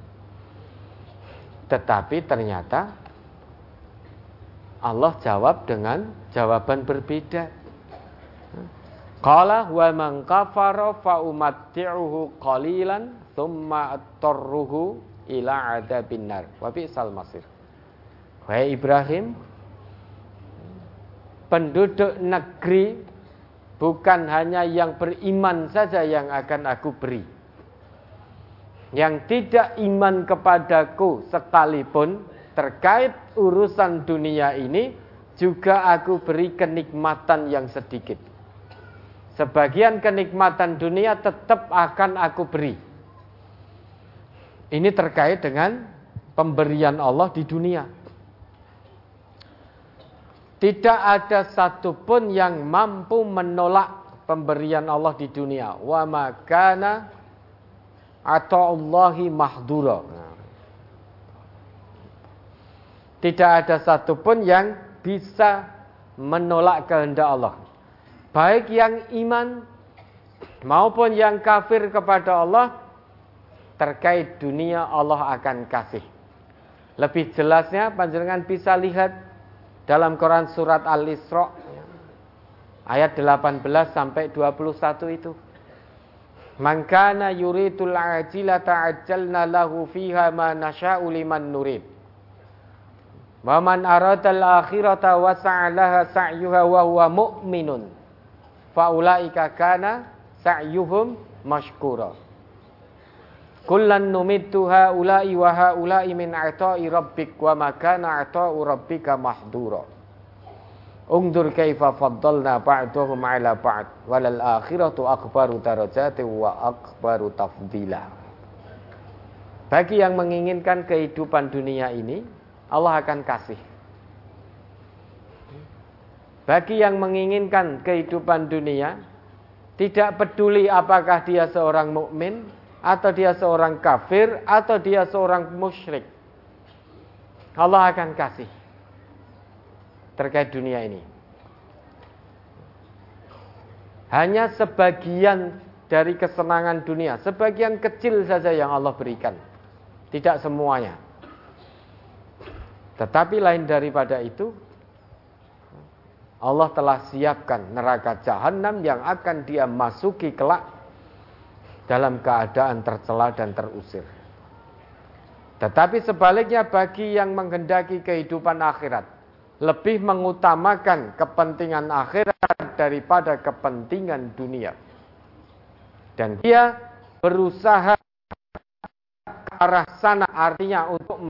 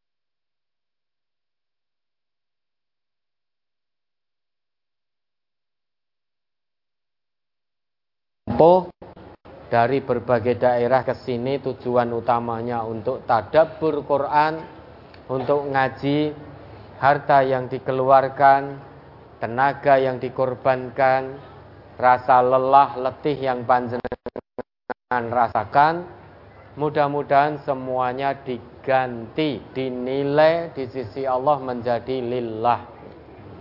Ya, mudah-mudahan istiqomah. Boleh mampir di pondok pesantren, monggo. Berikutnya permohonan doa kesembuhan untuk saudara-saudara kita yang sakit.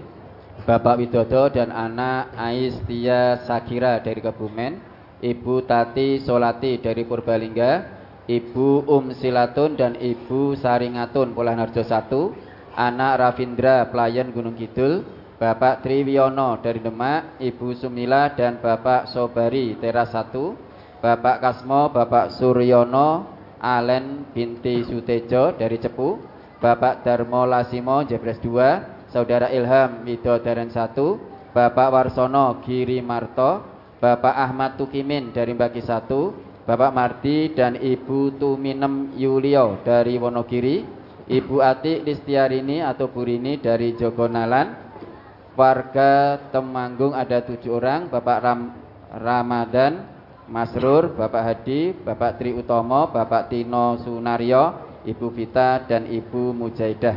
Semua sakit mohon doa untuk kesembuhannya. Mari kita doakan. Allahumma shfihim, Allahumma shfihim, Allahumma shfihim. Mudah-mudahan jadi kafarah atas dosa-dosa beliau-beliau ini. Oke, Berikutnya doa untuk saudara kita yang meninggal. Yang pertama Bapak Makmuri dan Ibu Endang Sri Sutasih dari Ceper 2. Kemudian Bapak Aliman dari Polan Harjo 1. Bapak Rusdan dari Nogosari 1. Bapak Sajuri dari Semarang dan Ibu Musidah dari Pilang Masaran. Sama Bapak siapa pengurus Wonogiri 2 kemarin? Sugiman dengan Bapak Sugiman ya. Bapak Sugiman. Pengurus Wonogiri 2 ya. Mari ya ada 6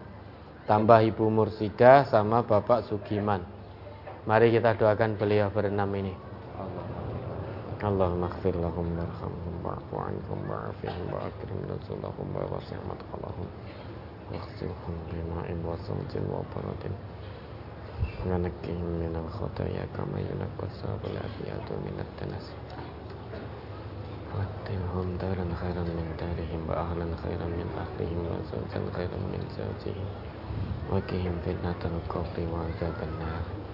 Ya mudah-mudahan diampuni dosa-dosa beliau Ditempatkan dalam jannahnya. Kita yang masih diberi amanah hidup oleh Allah Mudah-mudahan bisa menggunakan sisa ajal dengan sebaik mungkin Untuk mempersiapkan bekal kita Menghadapi hari esok. Bekal yang dimaksud di sini bukan bekal harta Bukan bekal pangkat bukan bekal jabatan maupun kekayaan, namun untuk menghadapi hari esok yang dimaksud bekal di sini adalah amal soleh wal tangdur nafsum ma qaddamat liqad Mudah-mudahan Allah matikan kita semua dalam keadaan husnul khatimah. Baik, sudah? Berikutnya infak untuk ponpes dan media dakwah MTA. Baik. Sudah cukup? Masih satu permintaan Ustaz. Ya. Ada satu permohonan nama dari Bapak Surono, Pelausan Magetan. Kepada Al Ustaz mohon memberikan nama untuk anak kami laki-laki yang lahir pada hari Jumat tanggal 23 September 2022 jam 11.45 Ustaz. Hari apa tadi? Senin? Hari Jumat. Hari Jumat, Jumat tanggal 23 September. 23 September. Sekarang tanggal berapa? 25 Ustaz. Lah, terus dinamakan Jumat pripun? Bagus itu.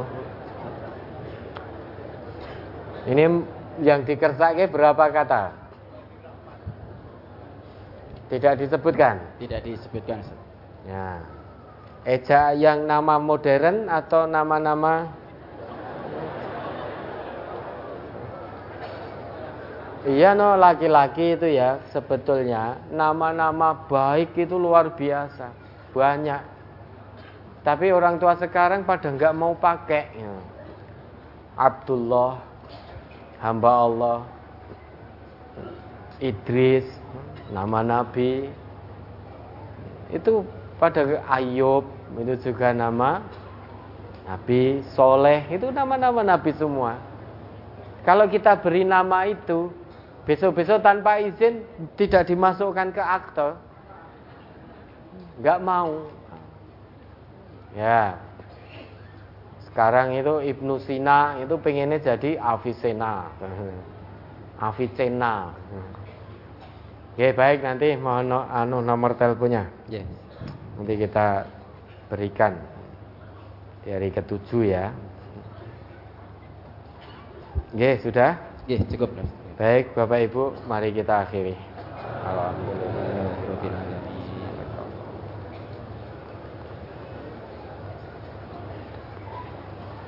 Salam kami untuk keluarga di rumah. Wassalamualaikum warahmatullahi wabarakatuh.